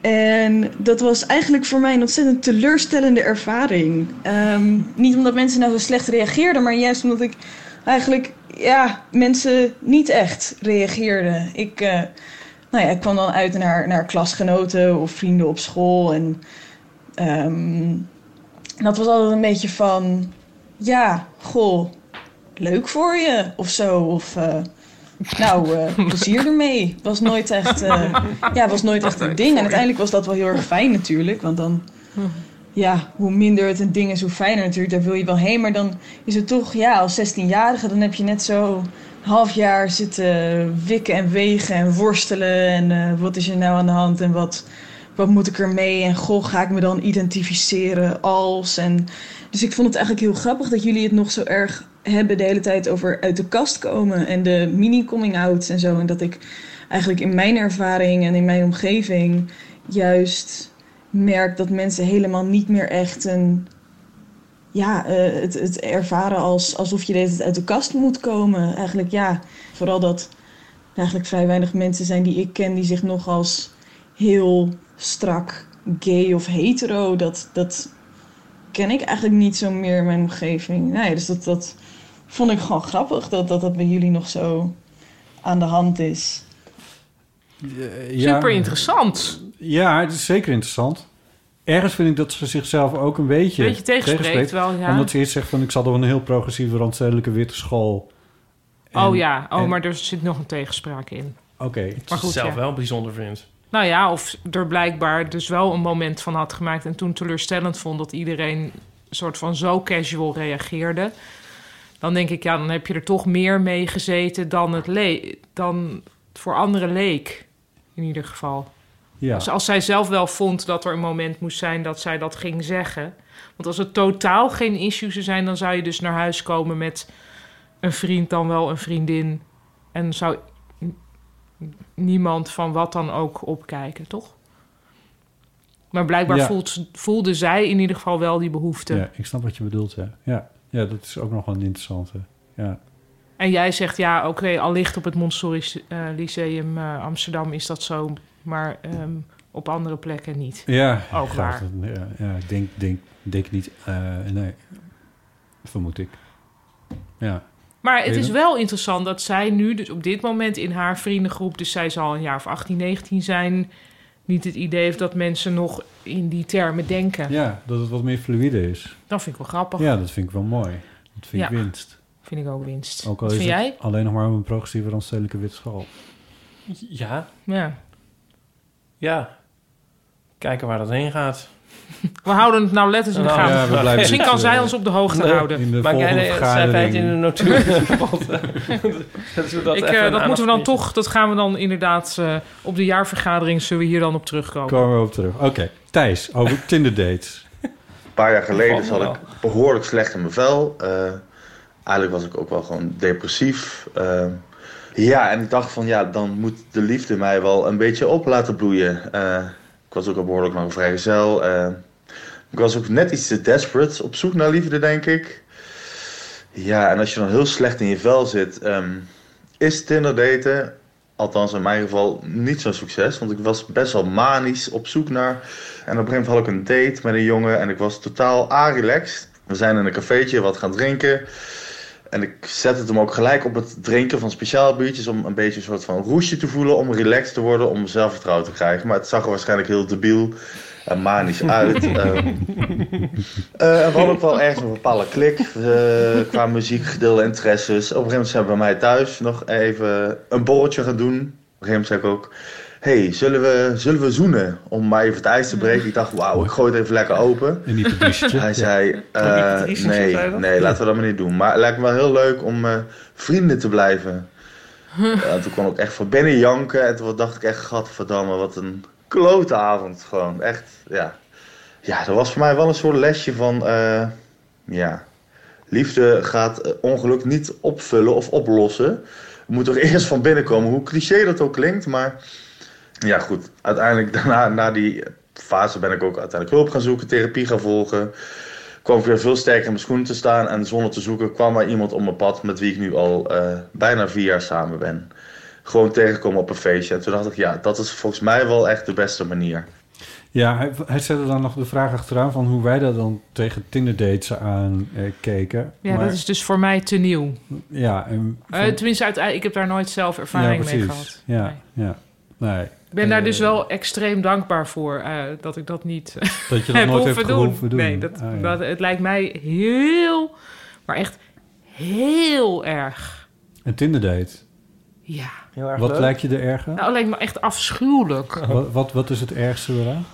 Nou, dat iedereen elkaar loopt te beoordelen op voorhand. Ja. Dat lijkt me al heel erg. Dat je vervolgens iemand die je dus eigenlijk niet kent, moet je uit het niets. Ja, dat is dus een blind date eigenlijk. Behalve dat je wel weet hoe iemand eruit ziet. Je hebt wat berichtjes Moet je daar- uitgewisseld. Ja, dan moet je dan mee gaan afspreken. Ja? Ja, dat lijkt me gewoon niet leuk. Nou. Of, of ja, dat, jullie kijken dat me echt toch? aan van... Nee, nee, ja, nee, ik kijk jou van ik wil weten waarom je ja, leuk- ship has sailed of zo. Dat is hoe het nu gaat. Maar dat lijkt mij gewoon niet leuk. Ja. Ik vind, ik vind gewoon, ja, ik, dat lijkt me gewoon, ja, dat lijkt me gewoon, nee. Ik kan niet, kan niet verder, ik niet meer over zeggen dan dat. Fysieke walging merk ik ook. Ja, vooral het swipen vind ik nee, gewoon heel, vind ik intuïtief erg. ja. Maar dat is weer een soort on... Ja, dat is- het zijn weer twee dingen dan een beetje, toch? Ja, ja. Ja. Dus swipen en blind dates, Ja. dat lijkt me alle twee erg. En, dat en dat is dat alle twee, toch? Ja. Ik zit... Ja. Je hoeft er niet iets over te zeggen, maar het mag wel. Nou, ik, was, ik ben mijn strips... eh, ik ben bezig met mijn oude strips te remasteren. en ehm, ik zit net in, in... Ik heb net 2012 en 13 achter de rug. Toen was ik aan het daten. Daar heb ik allemaal strips over. Dus ik, ik herbeleefde dat weer een beetje. Dat is mijn datefase. En hoe, hoe, hoe eh, regelde je de dates? Ja. Goeie vraag. Ik ben één keer op een blind date gestuurd door een vriend. Toen klaagde ik dat ik geen, geen, eh, geen universitair geschoolde mensen tegenkwam. en toen werd ik op een blind date gestuurd met... Met, een eh, universitair geschoold iemand. ja. nou, Was dat leuk? Nou, ik vond het eigenlijk... Ik, ik weet het... Ik vind het wel leuk dat ik het heb meegemaakt. Dat ik even zo'n fase heb gehad... en dat ik een beetje weet waar het dan over gaat of zo. Ja. Maar ik hoef dat niet mijn hele leven te doen. En eigenlijk dit hele verhaal herken ik ook heel erg. Het manische? Ja, dat je dan inderdaad het maar op een drinken zet of zo van de zenuwen... en dat het dan allemaal niet zo van de grond komt... en dat je denkt, wat doe ik hier? En toch nog een soort vergeefse poging. Het is Ja. eigenlijk niet eens erg dat het niet lukt. En zo, ik weet niet. Ja, ik vind het allemaal heel herkenbaar. Ik vond het wel lief dat die andere jongen dus en wel goed inzag van dit moeten we maar niet doen. Ja. En ook wel vrienden wilde blijven. Ja, Ja. Wel schattig, toch? ja, dat vind ik wel schattig, ja. Ja. Is er nog iets anders waar ik aan moet denken? Ik ben benieuwd hoe jullie erover denken. Maar ik denk van... Is het ergens niet ook een beetje jammer dat je niet zou kunnen... Dat dat een... Kennelijk dan een soort waarheid is of zo... Dat je niet kan daten als je niet echt 100% lekker in je vel zit. Of, Nou, daar zat ik ook je- over na te denken. ja, Ja. want dat vind ik... Dat, ik weet niet Vind ik of wel dat- streng. Ja, dat is mooi verwoord. Ja. denk ik. net- ja, ik moet Maar- denken aan het, aan het is toch altijd zo van als je niet van jezelf kan houden, dan kan Ja, een ander het ook niet. ja. Ja, dat geloof ik niet. Nee, dat is bij jou eigenlijk ook nooit. Ik denk dat het een beetje waar is, maar dat het elkaar wel heel erg kan helpen. Net als met comedy bijvoorbeeld. Werkt geen enkele grap natuurlijk als je niet zelf het soort van oké vindt dat je op het podium staat. Maar ehm, aan de andere kant, als je een paar goede grappen hebt, dan kan dat je wel weer het zelfvertrouwen geven. Waardoor het ja. dus volgens mij is dat met liefde ook. Dat, ook al ben je dan misschien niet helemaal 100% goed in je vel... dat een heel leuk ander iemand dat dan veel leuker Ja. kan maken. Zo. Het is niet een verwijt naar Thijs hoor. En ik denk dat het heel Nee, mooi hij is, heeft ook maar- echt wel een punt. Ja, Maar waarom zou je niet gered kunnen worden door een grote liefde die je je leven in komt zeilen? ja. Waarom een zou dat mooie niet vraag. kunnen? Ja, ik vind dat toch... Ja, ik vind dat toch... Daar moet ik dan weer met Thijs eens zijn. Dat, dat vind ik wel engig klinken. Enger. Maar of ben ik misschien daarin geïndoctrineerd? Dit is letterlijk wat er bij Iep is. Nee, maar dat is toch niet nee, waar? nee. Nee. Maar ik zie het wel voor me. Nee. Nee, toch? Nou, dat het kan. Ik bedoel, ik, ik, bedoel, ik zeg dus niet iemand dat is doodongelukkig. En zit de hele tijd zo... het doodongelukkig. En als dan... Speel het even uit. Speel het even. Het nee, maar goed. Dus dat iemand echt gered wordt. Dus Ja. er zit iemand echt gewoon te ver- verpieteren. Ja. En zo...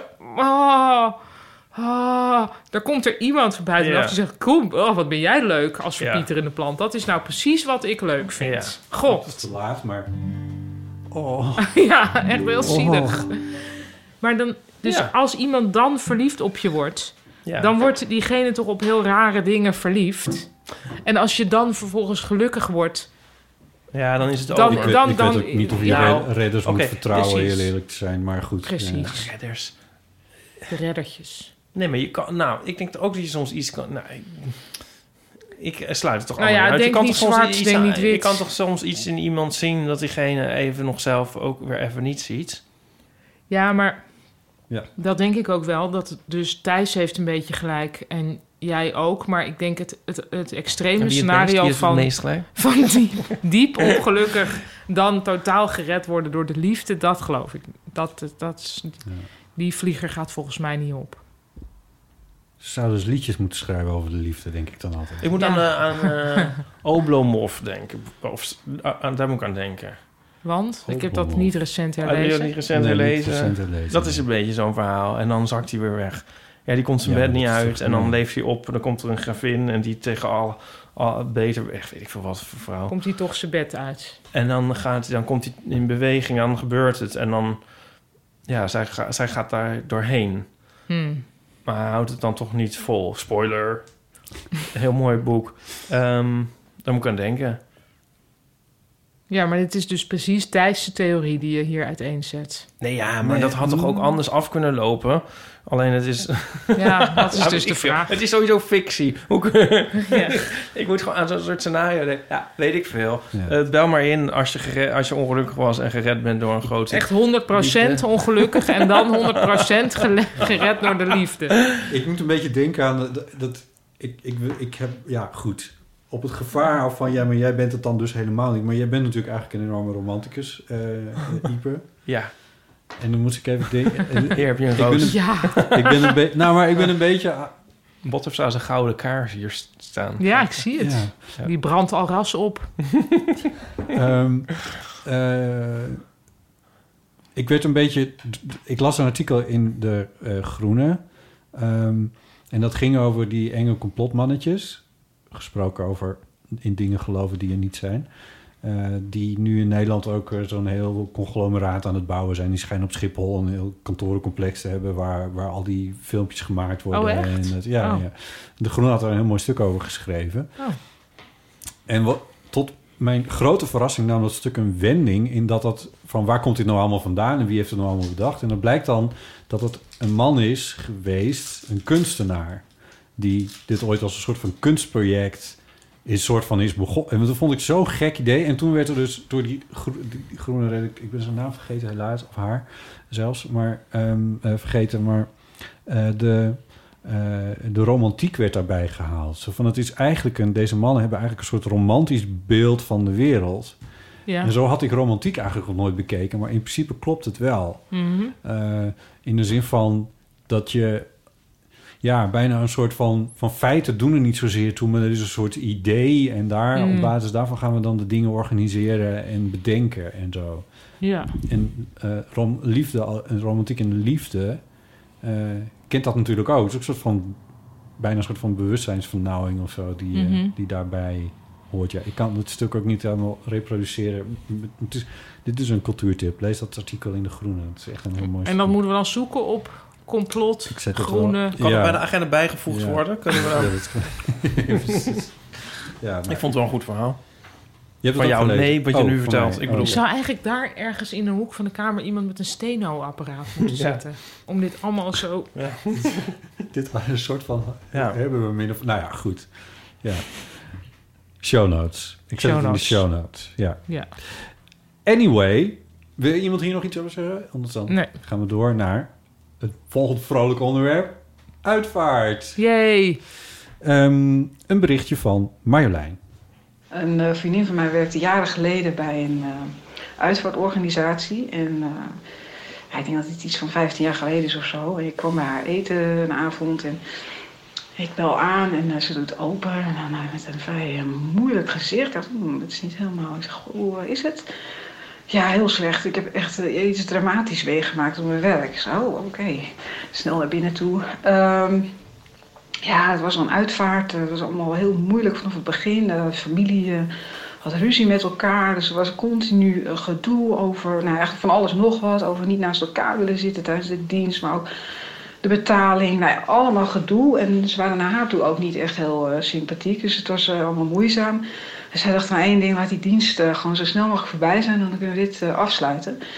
Dus ehm, vlak voor de dienst eh, werd een collega van haar eh, weggeroepen, met wie ze die dienst zou doen samen. En er was wel een andere collega voor, voor eventjes voor aangesteld, zeg maar. En die deed onder andere techniek en muziek, et cetera. Ehm, dus die was geïnstrueerd om ook eh, de muziek zeg maar, eh, aan te zetten op het moment eh, dat het moest. En mijn vriendin die start de dienst. En begint te praten. En nou, op een gegeven moment het eerste praatje, oké, dan het eerste muziekstuk. En haar collega drukt op play, was nog een cassette recorder-achtige hi-fi ding. En op dat moment begint de vogeltjesdans te draaien. Wat dus niet de bedoeling bleek te zijn. En dus, ja, die blikken van die familie naar mij, echt als blikken konden doden, was ik morsdood geweest. Dus ik meteen naar achter zeiden, stop, stop, niet goed, niet goed. Maar ja, de damage was done. Tenminste, er was wel heel veel damage daarvoor al wel, maar het werd in elk geval alleen maar erger. En uh, nou ja, ik weet niet eens hoe ze het verder allemaal hebben opgelost. Maar het was echt, maar ze kon ook jeetje, ik moest zo lachen. Nou, ik oh mijn god, dit van alle nummers ook dat nummer. En ook precies zei ze bij dat ding van, echt precies daar ook. Dus ik, ja, ik heb mijn lach geprobeerd te onderdrukken, dat was moeizaam. En daarna werd ze iets relaxed en toen kon ze zelf ook al een beetje om lachen. Maar daarna, ik heb het echt aan iedereen die maar wilde horen en niet wilde horen gesteld. Ik vond het zo'n grappig verhaal. Ik denk, hoe is dit mogelijk? Mooi. Dankjewel Marjolein. Ik Um, moet er, mag ik even hierop aanhaken, want Ja. ik hoorde van iemand die ik kende... ehm, er was een begrafenis in, in een familie en eh, dat was zo met dat je ook... dat er een soort luik open ging en dat dan... volgens mij is dat nu nooit meer, maar dat dan voor de crematie... nou niet dat je letterlijk vuur ziet, maar dat er ja. wel dat zo wegschuift Ja. en dat dan luikjes weer dicht gaan. En daar was in die familie iemand eh, met een verstandelijke beperking, die op dat moment dat hij eh, eh, dat die kist dus wegschoof, heel hard riep: Die zien we nooit meer.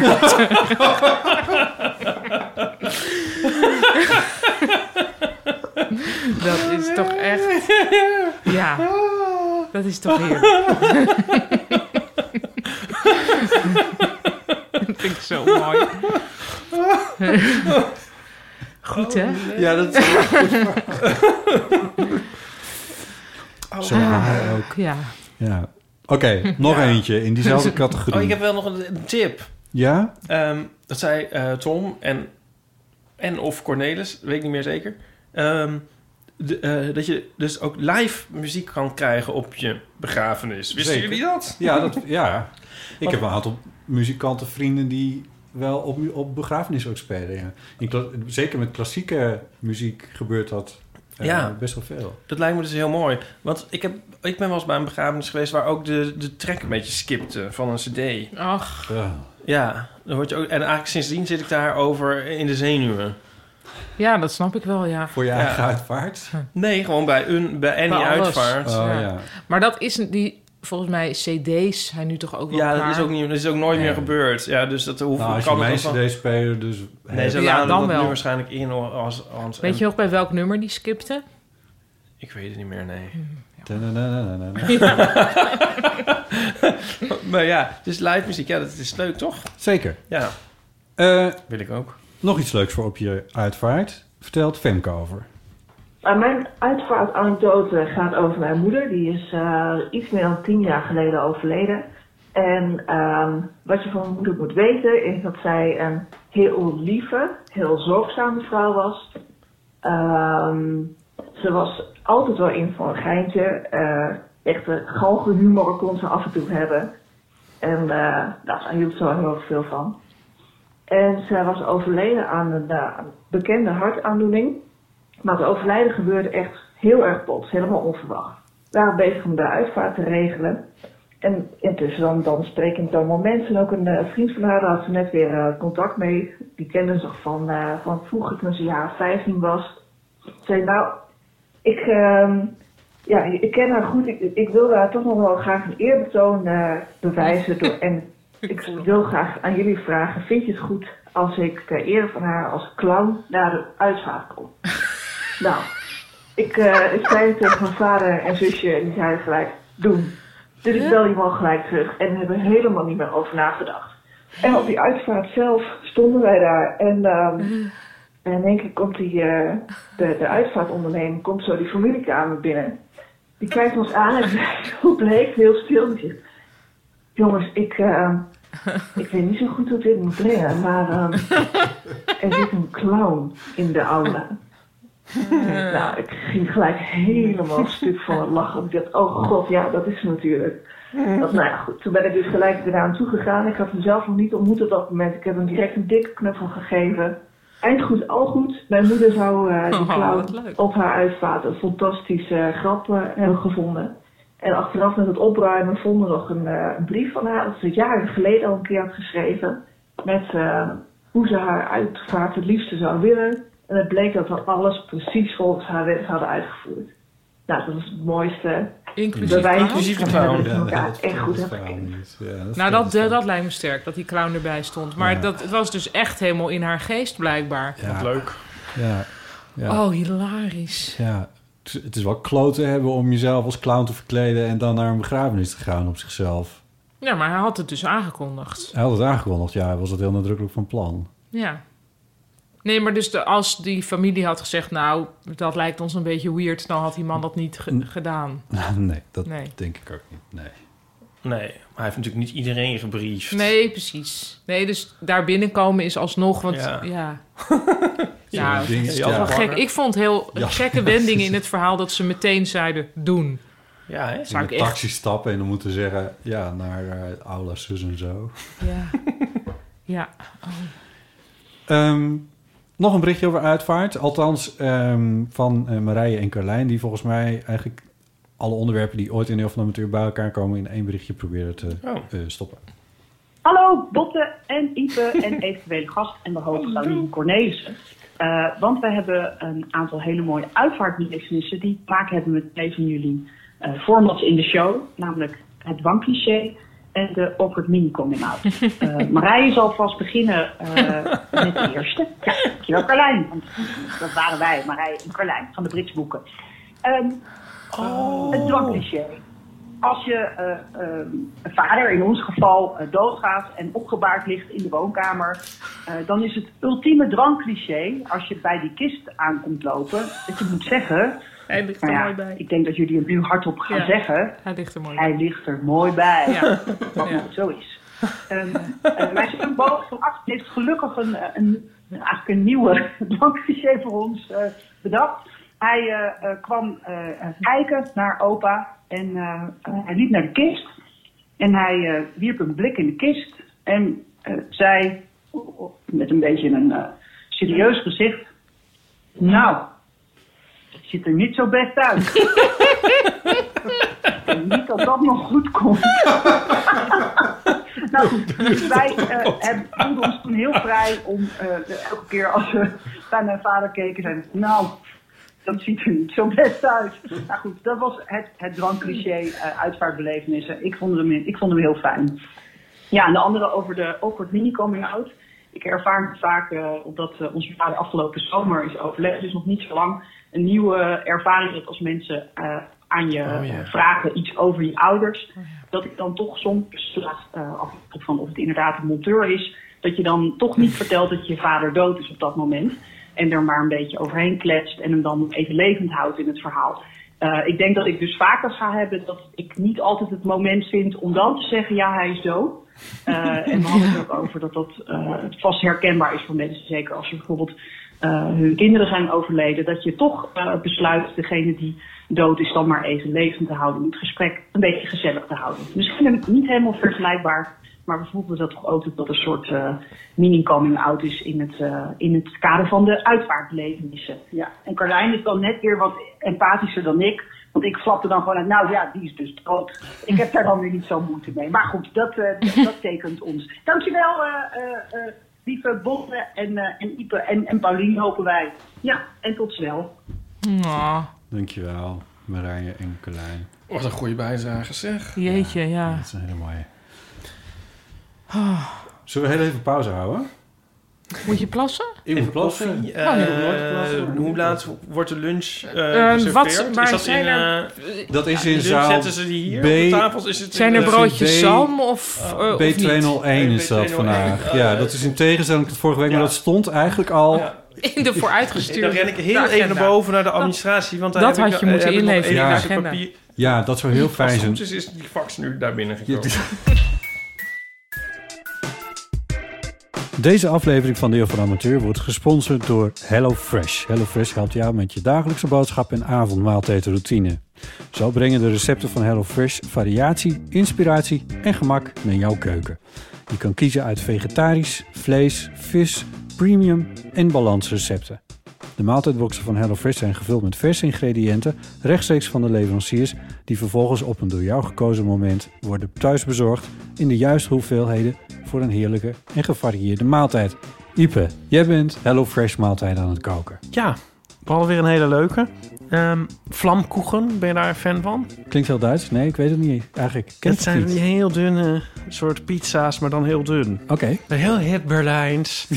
en eh, deed je ook wel eens vroeger dat eh, ging je dan wel eens naar een verjaardagsfeestje en dat je dan je eigen pizza mocht beleggen? Dat die dan de Oh ja, dat oven in ik volgens mij wel eens gedaan, ja. volgens mij heb ik dat wel eens gedaan. Zeg maar dat, maar dan met vlamkoegen was het recept. Ja, ik gooi overal ananas op. Jongen, gadver.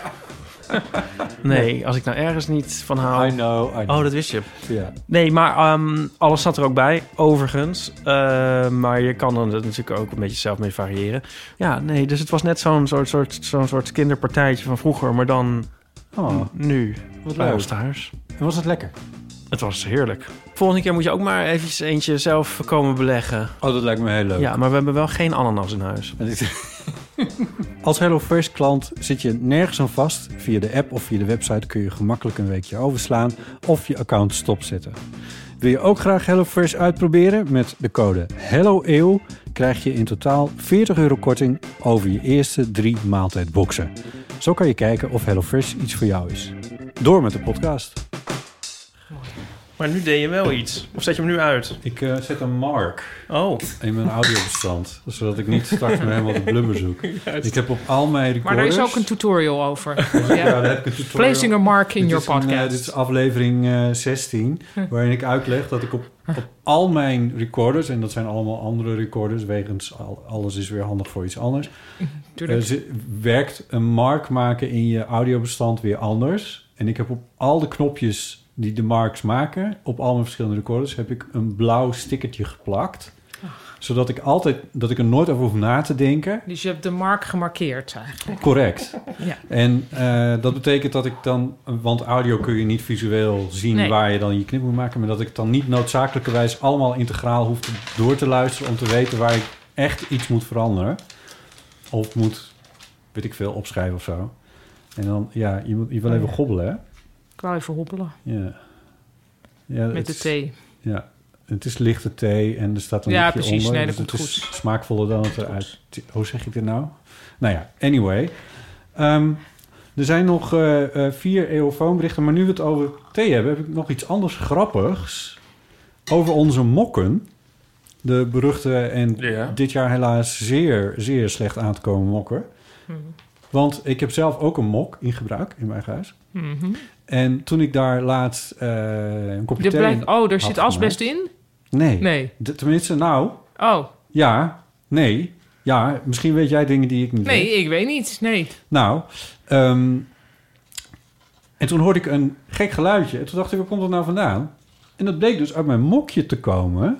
Hè? En toen heb ik mijn, mijn telefoon even bij gehouden. En dat, dat klinkt zo.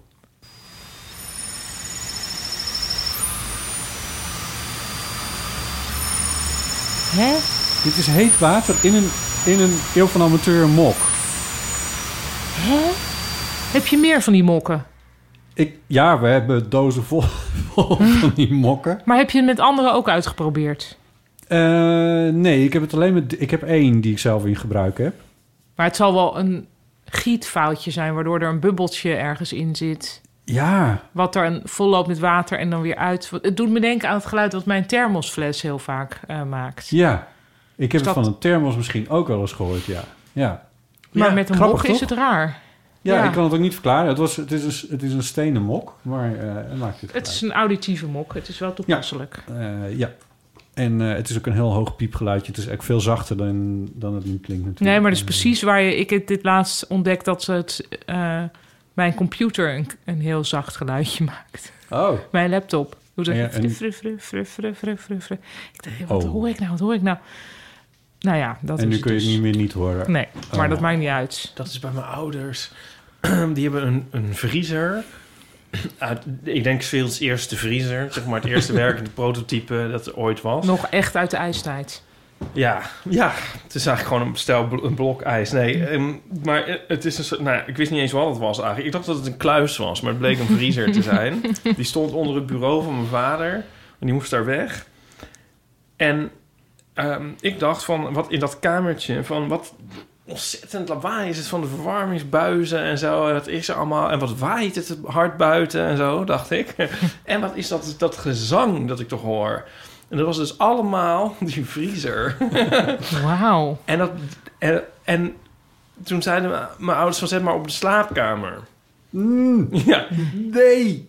En dat, daar staat hij nu te zingen, die vriezer. Die, die, het is Maar net van... iemand...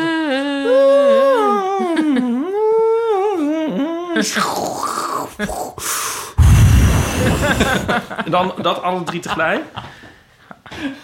En ik dan natuurlijk toch geen oog meer dicht. Nou, waar heb je het over? Oh nee. En ze horen niet. Oh, en het klinkt alsof er water valt. Maar dat is ook denk ik gewoon zo. Oh, ja, Schuwelijk. maar ze horen helemaal niks. Het is zo'n zegen als je doof wordt. Ja. Misschien even Waar afkloppen, maar? Ja. ja. het scheelt wel. Maar zodra je die ka- kamer nu binnenstapt, is het zo grappig. En je denkt van, eerst denk je van, ja, er is iets aan de hand. Er is stormopkomst en er staat iemand te zingen. Ja. Hoe kwamen we hierop? Eh, door mijn piepgeluidjes uit eh, mijn... De zingende mok. Mijn eeuw Oh, eh, ja. mok. Maar als ik dit nou zo bekijk, Ipe... dan kunnen we straks wel doorgaan met, eh, met, de, te- met de eeuwfoonberichtjes. Maar wil jij heel graag eerst even...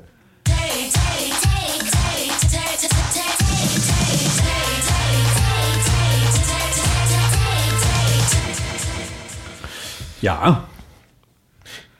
Nou, ik heb eerst even een heel kort vraag die we even heel snel kunnen afdoen in het kader van ons, onze marathonvergadering. Wat als je alle uiterlijke kenmerken hebt van een hipster, maar je voelt je niet zo? Maar dat is toch... Ja. Is het niet puur uiterlijk? Ja, dus dan ben je een hipster. Maar goed. Ja. Ehm, Nou, misschien niet, hè? Dat hij niet van zuurdezen maken houdt. Nee, maar dan kan je toch gewoon je baard dat is- afscheren. dan ben je een- een hipster die niet van zuurdezen maken En geen houdt. ruitjes overhemd aantrekken. En Maar als je dat nou leuk vindt staan of zo... Nou, dan moet je gewoon heel rechts of zo uit de hoek komen meteen. dan ben je een rechtse hipster. dat bestaat ook al. Dat bestaat al. Ja.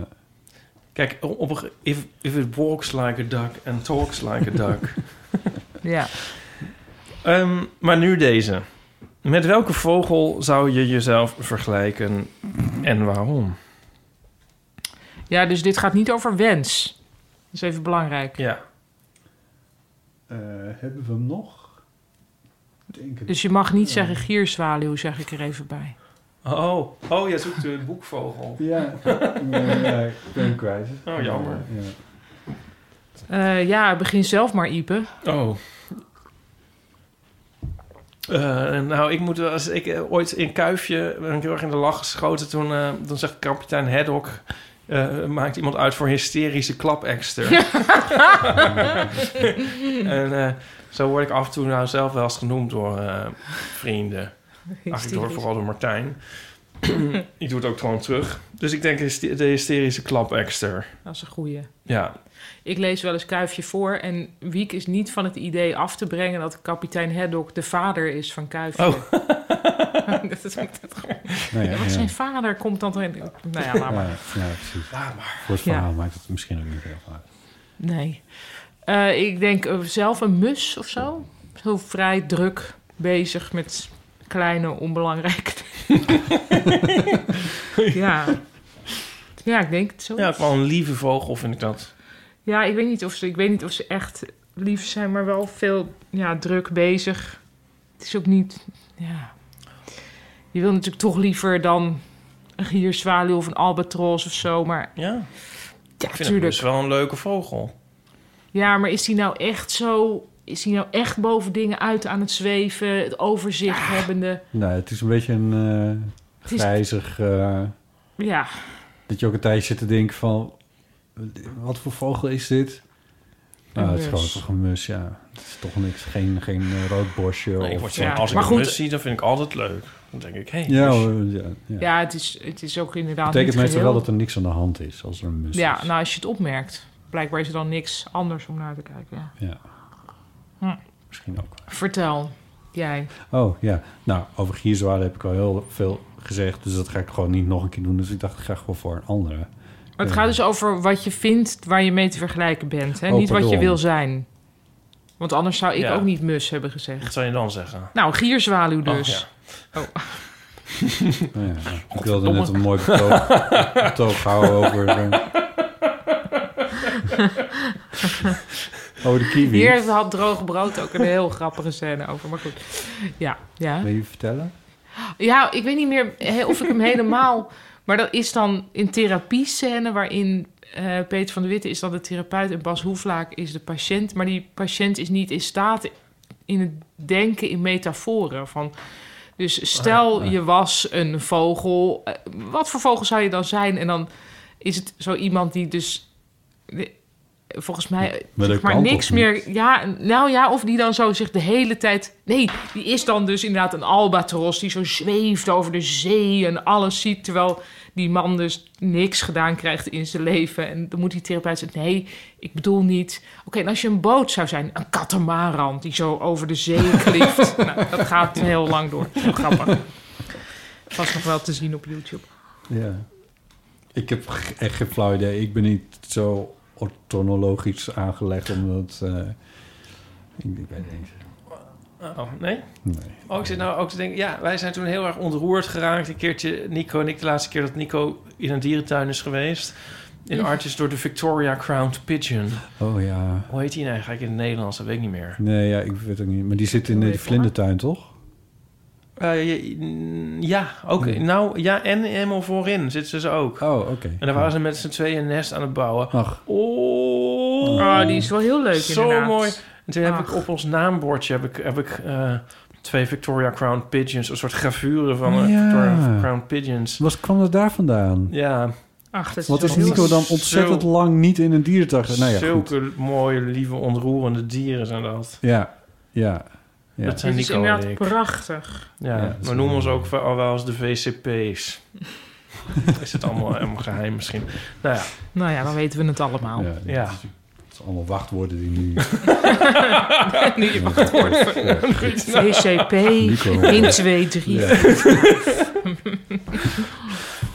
Ehm, Oké, het weer erg leuke vragen. ja, zeker. Ja, we hebben er nog meer, maar dat komt de volgende keer wel weer. We kunnen op dit punt misschien iets zeggen over... want die vragen komen uit onze theatershow. Kunnen Ja. we iets zeggen... Ja, op dit punt, nu we toch hier gaan... Ik weet dat door voorzitter dat dit niet de bedoeling is. Ik snap dit. Kap het gerust af als je denkt dat het te lang duurt. Een hamer moet je eigenlijk hebben. Wie Eh, ben ik dan? Ben ik dan een soort van de ingevlogen expert van buitenaf of zo? Omdat ik er niet elke vergadering bij ben? Nou, daar willen we het eigenlijk Oh, ook ja. even met je over hebben. Nee, jij bent van het hoofdkantoor. Of toch Ja, kijken hoe ongeveer één het op de blijkt. drie à vier keer ben je erbij. Ja, zo van nou, het gaat hier elke keer over het... Dat gaat elke keer over hetzelfde. ik heb dus letterlijk nooit een vergadering in mijn leven. Misschien wil ik het daarom wel leuk vind dit. Een vergadering. Ja, ik heb nooit meer een vergadering. Nee, nooit. Nou, ik wel eigenlijk via Zoom. Maar ik, ja, ik niet. Ja, bestuur van Echt Gebeurd, redactie van Echt Gebeurd. Het bestuur van de het eeuw. Boek van Elk Gebeurd, Echt Gebeurd. Ja, en eh, een, eh, een VVE-vergadering, dat zou ik nog VVE. kunnen hebben. Ja. Voor een van mijn vele panden. maar daar ben ik dan, dan nooit.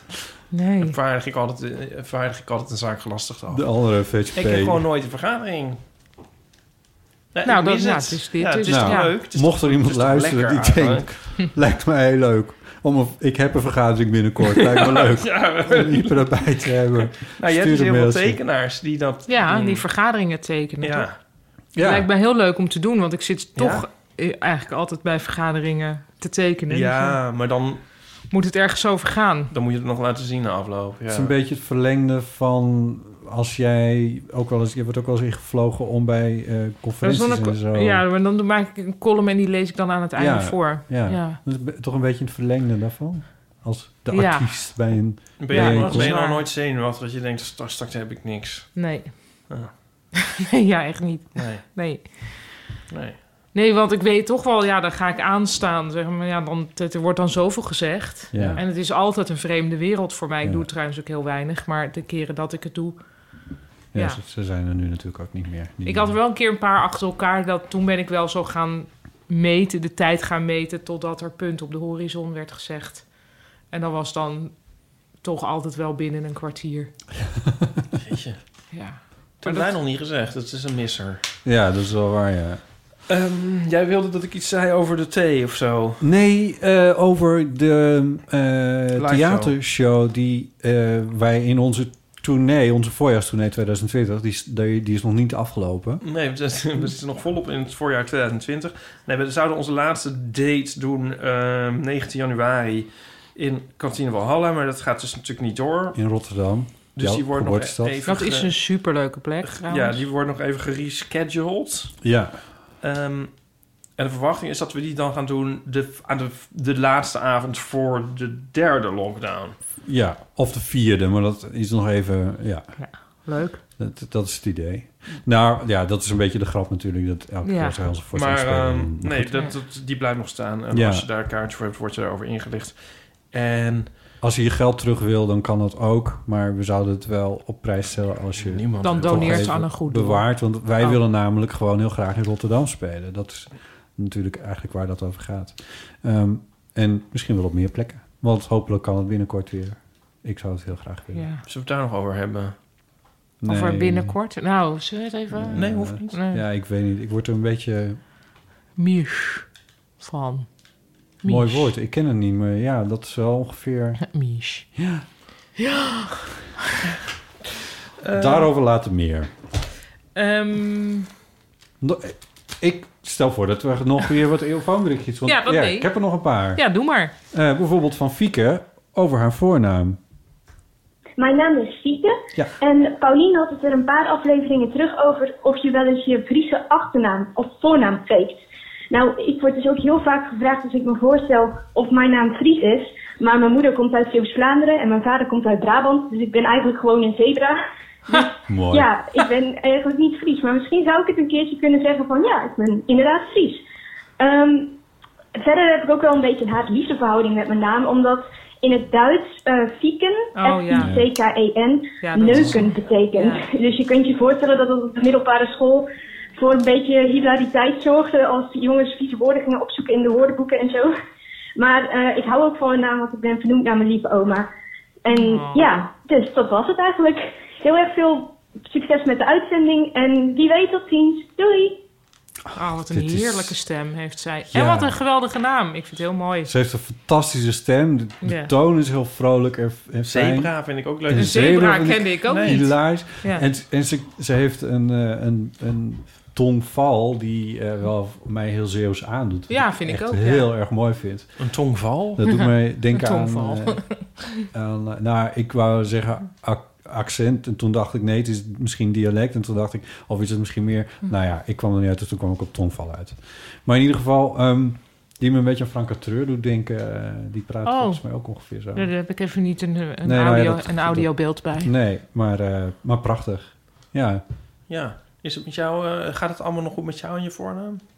Eh, ja, ik weet wat je aansnijdt. Ik heb namelijk op veel sociale media heb ik mijn naam veranderd in Bo.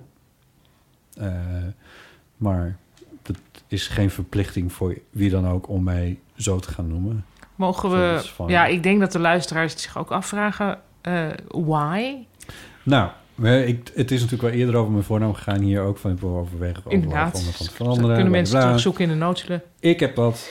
eh, toen zeiden jullie, nee, je moet er trots op zijn. Ja. En eh, laat het nou maar gewoon zo. Dat- nou, dat heb ik in feite een paar jaar geprobeerd. Mhm. En elke keer eh, als er een discussie is met mij op sociale media over wat dan ook maar... en ik breng er nou eenmaal nu wel eens wat in de wereld eh, Mhm. als, eh, als journalist...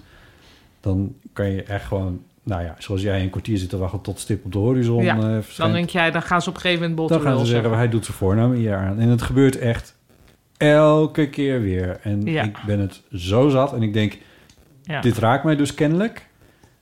Ik kan het kennelijk niet controleren. Maar ik, ben er, ik, heb, ben, ik heb er gewoon genoeg van. Dus als mensen nu... Dit, dit gaat altijd over onbekenden. Die Ah, mij dan ja, ja, ja. via Facebook of zo, weet je wel. En, eh, en dan denk ik van nou...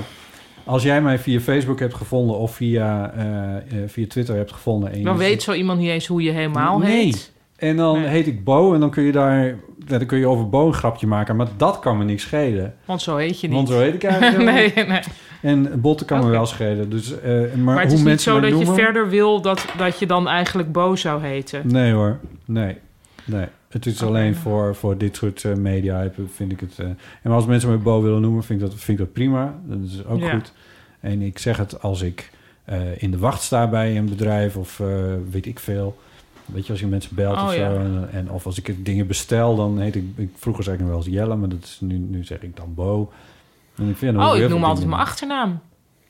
Ja, dat doe ik ook. Dat, dat kan ook, ja. Maar Van, mag ik even de naam noteren? En dan zeg ik altijd Cornelissen met een C en geen N op het eind. ja, dat kan ook. Nou, als ik denk dat ze het helemaal willen gaan opschrijven. Dat is nu meestal niet zo. Anyway. Anyway, het is verder niet zo belangrijk, maar dat is de reden dat ik het, eh, dat ik het op sociale Oké, nou ja, eh, fair enough Waarvan eigenlijk. akte? Waarvan akte. waarvan akte, ja, precies. Meer dan dat is het ook niet. Ehm, Als het goed is, kom ik dus volgende week dan, nou ja, nieuwsdienende... ehm, bij de talkshow M om over het bureau te praten. En daar moet ik dus nu ook... Met waarvan akte komt ook heel vaak voor Ja. in het bureau. Misschien moet ik dit helemaal niet zeggen. Nou ja, boeiend. waarom niet? Omdat je bang bent dat je jinxt. Oh nee, dat maakt verder niet uit. Maar ik weet helemaal niet of zij een soort... Weet, ik weet eigenlijk helemaal Oh, dat zij niet willen dat jij daarover... Nou ja, nee, ze dan moeten zeggen. Ehm, Leontine had nog een verhaal over stelen.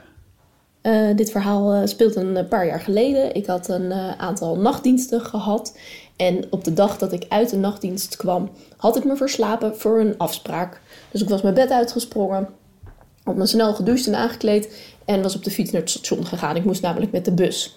Maar ik had natuurlijk ook nog niet gegeten, dus ik had op het station snel bij de Albert Heijn To Go een croissantje en een drinkyoghurt gekocht. En ik was de bus ingesprongen. Nou, ik moest nogal een tijd in de bus, dus in die bus had ik tijd om even een beetje wakker te worden. En ook een beetje mijn administratie bij te werken, wat al die nachten niet gebeurd was. Mm, dus ik kijk in de bus ook op mijn rekening. En ik zie dat ik die croissant en die drinkyoghurt helemaal niet heb betaald. Terwijl ik het had afgerekend bij de zelfscan. Maar blijkbaar was het tijd om mijn pincode in te voeren. Dus ik had alleen mijn pas bij het pinapparaat gehouden. Eh, en was daarna vlug vlug naar de bus gelopen. Dus ik eh, vertelde dat tegen degene met wie ik een afspraak had. En die zei, joh, maak je niet druk. Dat merkt zo'n Albert Heijn toch helemaal niet. Maar ik kreeg steeds meer visioenen dat ik nooit meer bij een Albert Heijn To Go kon komen. Omdat overal mijn foto's van de filmbeelden zouden hangen in iedere kantine in het hele land. En ik kon nooit meer ergens terecht voor een kop koffie. Dus s'avonds laat was ik weer terug op het station. En eh, ik dacht, ja, nou, met lood in mijn schoenen. Ik denk, ik ga toch maar gewoon het zeggen en vragen of ik het nog mag betalen. Dus ik zocht het op in die Albert Heijn. En nou, ze waren helemaal verbaasd. Maar eh, ja, natuurlijk, eh, betaal maar wat fijn, wat eerlijk. Nou, super fijn. Dus ik had dat gedaan. Ik, Oh, ik nee, helemaal ik opgelucht dat ik toch nog voor al mijn koffies bij de Albert Heijn To Go terecht kon. En toen kwam er een jongen van de supermarkt achter me aan. Ze waren aan het opruimen.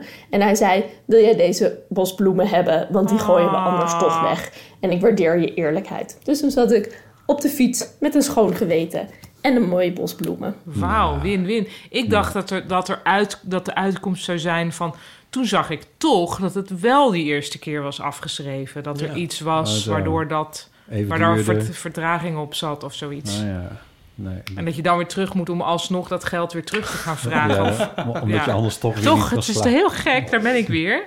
Ja, Ja, ja schattig. ik vond dat fantasieën heel Ipe-esk. Ja. Hoe Ik zit te denken aan de keer dat ik wel eens dan zo met een bonnetje terug ben gegaan naar de Albert Heijn. Zo van, ja, korting is er niet aan. De andere kant op. Oh ja. Oh ja. Ja, en dan ga ik echt door de grond. Ben je dan helemaal fucked als dat gebeurt? Want als je dan niet gaat, dan hoor ik mijn moeder een soort... Ja. Want je moeder zou sowieso teruggaan? Ja. Die zou dan... Ja. Ik denk dat ze vanaf Ik wil 20 de cent manager ongeveer al wat terug zat na. dat weet ik niet. Nou, maar die zou dan gewoon de volgende keer teruggaan, weet ik veel. Ja, ja. Die zou wel teruggaan, ja. Oké, ik weet het niet. Vanaf een euro dan. Ik weet het niet. Nee. Maar check je altijd je bonnetje? Ja, nee. Da Nee, dus daarom is- check ik het ook niet meer. Want straks Ja, zie ik iets en dan weet ik niet meer wat ik moet doen. Ja. het is toch gênant als je dat dan gaat halen. Wat je kort gaat halen. Ja. Maar ik denk dat niemand daar dat gek vindt. Nee. Nee, maar... Nou, ik, ja, ik vind het ook een verspeelde moeite wel. Ja, maar daar hangt een beetje vanaf. Als je, als je, als je weet ik veel, een, eh, zo'n pak eh, vaatwastabletten koopt... die, weet ik veel, 7 euro per pak zijn... en de tweede zou gratis zijn en wordt wel afgerekend... dan vind ik het wel de moeite waard. Ja, jezus. Dus ik bedoel, een dubbeltje nemen. Ja. 2 euro? 2 euro? Ja, oké. ja, die, die discussie. Ik vind Ja. het moeilijk. Ja. Een halve ton... eh, Ja, ja wat, wat krijg je eigenlijk wel los? ja. Oh, goed. Anyway. Oh, shit. Oh, uh, ontglipt me nu iets.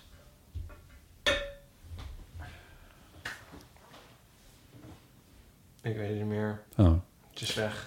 nou. Ja, nee, nou, ja, nee, iets anders. Ook in die categorie is een uh, statiegeldbonnetje. Maar, ik Statiegeldbonnetje. Ja, ja. ja.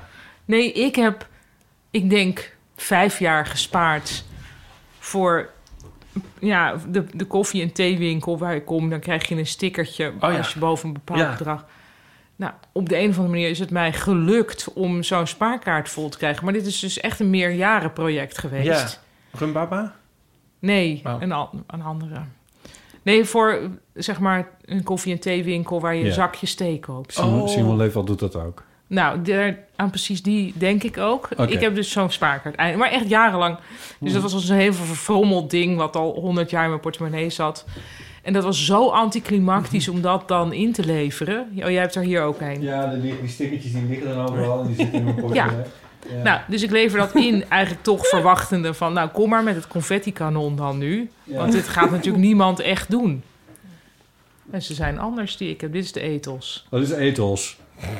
Die ligt ook nou, Simon. Anyway, doet. Anyway, eh, maar dat was echt zo van... oh, oké, goed. En dan wordt er 4 euro afgehaald.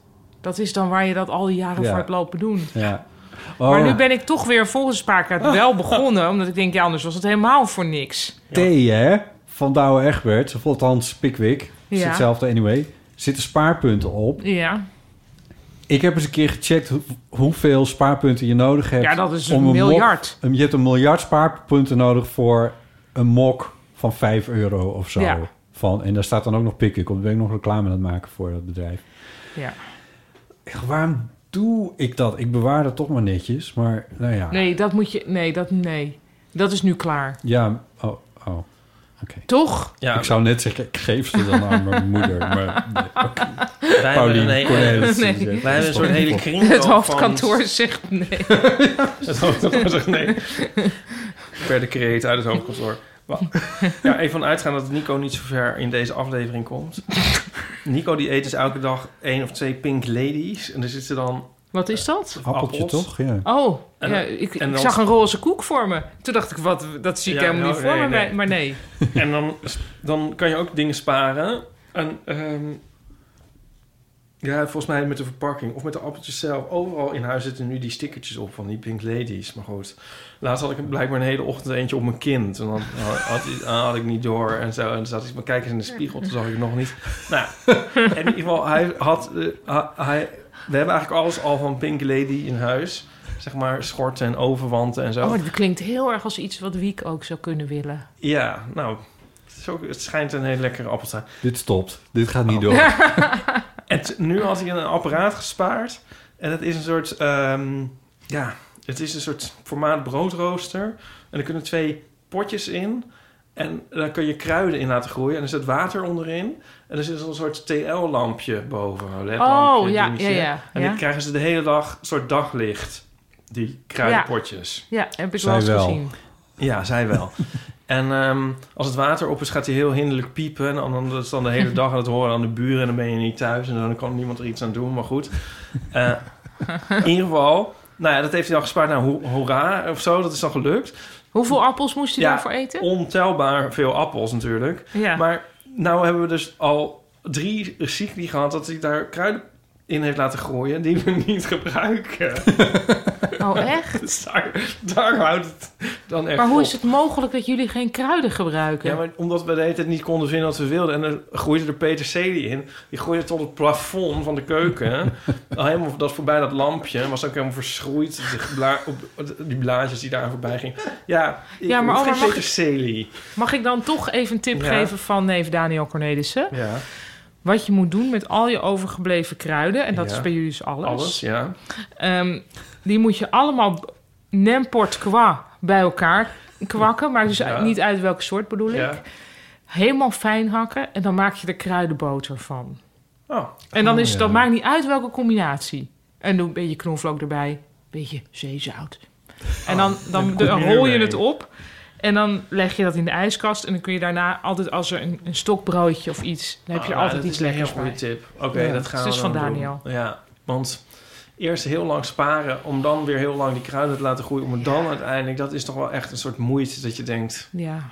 Ja, doet me een beetje denken aan The Shining... en dat die man dan helemaal zo naar dat hotel gaat... en dan komt hij er eindelijk aan... en dan is, krijgt hij een klap tegen zijn kop... en dan is hij alweer dood. Ik heb die film niet kunnen kijken helaas. Oh. Wegens dat die eng is. Ja, Oh ja. Ja. Maar misschien komt het nog een keer dat dit wel lukt. ik heb nog, nog vier postzegels staan afstomen... eh, eergisteren. Waarom? Die niet afgestempeld waren. Ja, we hebben over, over, over on the topic van sparen en zuinig Dingen- zijn. Ja, ja. Ja. Maar je je betaalt toch niet voor het afstempelen? Je betaalt toch voor het verzenden? Ja, maar ik moest dus iets versturen weer. En ik had nog een vier postzegels op een soort dik karton. Die Ja. nooit afgestempeld waren. Die dacht ik, die kan ik wel gebruiken, want het was ook het laatste wat ik nog in huis had. Dus Nou, dat vind ik een relevante toevoeging. Ik zou de waterkoker aan ingedrukt houden en zo. In de hele straat gingen de lichten uit. nou ja, dat, dat gaf wel heel veel voldoening. Ja. Ja, Het maar- is oplichterij, hè? Ja, dat, dat zei Nico. Dat is, daar wilde ik zo ook. Want anders had ik misschien dat stuk karton in zijn geheel op de envelop geplakt. Mhm. Maar dan dacht ik, dat zien ze. Ja, weet je dat je inmiddels ook via internet gewoon een code kan krijgen en die schrijf je... eh, Oké. Ja, maar ik dacht dus ook, want het is al... Beatrix stond er al op. Ik weet niet hoe lang die er al niet meer op staat. Ik dacht, ik heb deze postzegel, dit stukje karton met die vier postzegels nu... Denk ik, 2013. Maar ga verder. heb ik dat al misschien al vier keer verhuisd. En ik sta nu dus aan de vooravond van een nieuwe verhuizing. Toen dacht ik, misschien is het een idee om dit nu opruimend dan toch eens los te weken en te versturen. Postzegels. Ja, per stuk zijn- 41 er cent lopen hier heel tegenwoordig. veel- 96 cent. 96. Dit was, heeft me bijna 4 euro opgeleverd. En ik hoef het niet weer te Dus verhuizen. dan hoef je nooit een spaarkaart van Simon Leveld. en Een van de beste is weer wat leger. die je kan doen... is het kopen van postzegels. Nu er een getal op staat. 1. Ik haat dat trouwens, dat er Ja, niet meer een prijs op staat. Nee, nee, ja, ja, maar ze worden is- ieder jaar ja. zo ongelooflijk veel duurder. Oh. Dat kan je nooit bijhouden Zijn ze met nu ook weer duurder? Ja, 96 cent zijn ze nu. Die hele TNE, ik word gek, PostNL heet het. Ook elke keer dan gaan ze mij dan weer strafporto sturen... terwijl ik heb een brievenweger. Dus dan soms dan één keer, dus ik weeg altijd mijn post. Echt? Zo, ja, zodat ik er precies echt goed... eh, Ja. Hoe doe jij dat dan? Nou ja, ik weet wel dat als je één A4'tje of twee A4'tjes in een envelop stopt, dat Oh, kan wel. Ja, wij, wij sturen, wij sturen boeken op en zo. Zo Ehm, kom je nooit op de hoofdkantoor. ah, nou goed, op het hoofdkantoor hebben wij een brievenweger. Nou, maar dat is sowieso een gesloten bolwerk, want ze De doet alles met haar Oost- neefje. afdeling Oost heeft ook een brievenweger. Hij heeft zelfs twee brievenwegers. We hebben trouwens drie brievenwegers. Want we hebben een digitale brief, Ja, brievenweger in het digitale. posthok. En ik heb een, zelf een bureaubrievenweger in mijn laadje. En dan voor de soort onhandigere zendingen gebruik ik vaak de keukenweegschaal. Ja, Ja, die herkenbaar. gaat ook hoger. Ja, precies. Nou, dat ja. dus allemaal. Oké, nou, dat doe ik dan. De, ze, en dan heel af en toe is er dus wel toch iets fout gegaan. Bijvoorbeeld toen ik een keer mijn post naar een TNT-punt of een PostNL-punt had... ge- en ze daar dus verkeerd hebben gewogen... dan krijg ik die strafporto met nog 2,30 euro of zo Ja. aan hun administratiekosten. En dan denk ik, waarom zien jullie niet hoe vaak ik het goed doe? Ja. Dat vind ik gewoon zo irritant Ja, weet je wat je dan moet doen? Dat, dat, een film maken van mezelf dat ik die brievenweger gebruik. Maar agent, ik ben wel 30 keer wel voor rood Nou ja, gestopt. Dat, ja, maar Oh, eigenlijk nou dat ga je opeens de kant van, eh, nou ga je opeens de andere kant kiezen. Nee, ik ben helemaal with you. En ehm, ik heb het ook, al een paar keer gehad. Ja, dan past het niet. Dan, dan word je hoog aangeslagen. Dan past het niet door de brievenbus zogenaamd. Terwijl ik het wel zelf in een brievenbus heb gedaan. Dus dan past het dus wel door de brievenbus. Ja, want blijkbaar, ja. Ja, nee, ja, maar dan is het waarschijnlijk in de envelop later verschoven. Ja, dag. Ja. En eh, dan helpt het om eh, op Twitter eh, te klagen. En dan komt er zo'n... Nee, maar dat vind ik dus ook dan Ja. verwerpelijk. Ik heb een keer een column geschreven over Ja. dat mijn eh, brievenbus weg was gehaald. Ja. Uit mijn straat. Want er komen... Want mensen, natuurlijk helemaal niet met de bedoeling dat ik daar... Maar toen kreeg ik dus een handgeschreven brief van PostNL... in echt een handschrift van iemand dat je denkt... Dit, dit, deze vrouw is losgeweekt uit de bork of zo. Echt Ja. zo netjes. Ja. Met, eh, met een soort van seizoenszegels erbij. Dus toen heb ik dus eigenlijk gratis postzegels gekregen. Ja, Ja. maar dus ik vind dat hele... Wat is er nou verwerpelijk? Nou, dat dus klagen leidt tot dat je je zin krijgt. Ja. Omdat er heel veel zielige mensen niet in staat zijn tot klagen. Nee, Ja, ja, omdat je hè, wacht even. Nee, maar nu gaat het bent van nee, stop, stop, in de stop. krant. Nee, maar dit is gewoon het aanvechten van een boete, zeg maar. Maar via Twitter, in de openbaarheid. Ja, maar ik, ik, ik ga, beroep me hier dus niet... Ik ben niet een soort Joep van het hek, zeg maar, Nou, die. T-Mobile Ja, shamed. nou, precies. ik ben gewoon een particulier iemand. Dus je doet en dan hey, zeg je van... at PostNL. Nou zeg, PostNL, eh is, dat vind ik nou niet helemaal fair. Echt? Twitter je dat? Nou, Nico heeft me dan gedicteerd hoe ik dat moet doen. Ik heb het twee keer gedaan. En dan komt er dus een... Ja, ik zeg altijd maar een soort... Ja, dan mag ik dit zeggen. Een soort social media gay van de PostNL. dit en die zegt dan van... Oh, dat is niet de bedoeling. Oh, dat is niet de bedoeling. Dat we- kunnen we even oplossen. In de DM komen ze dan. Ja.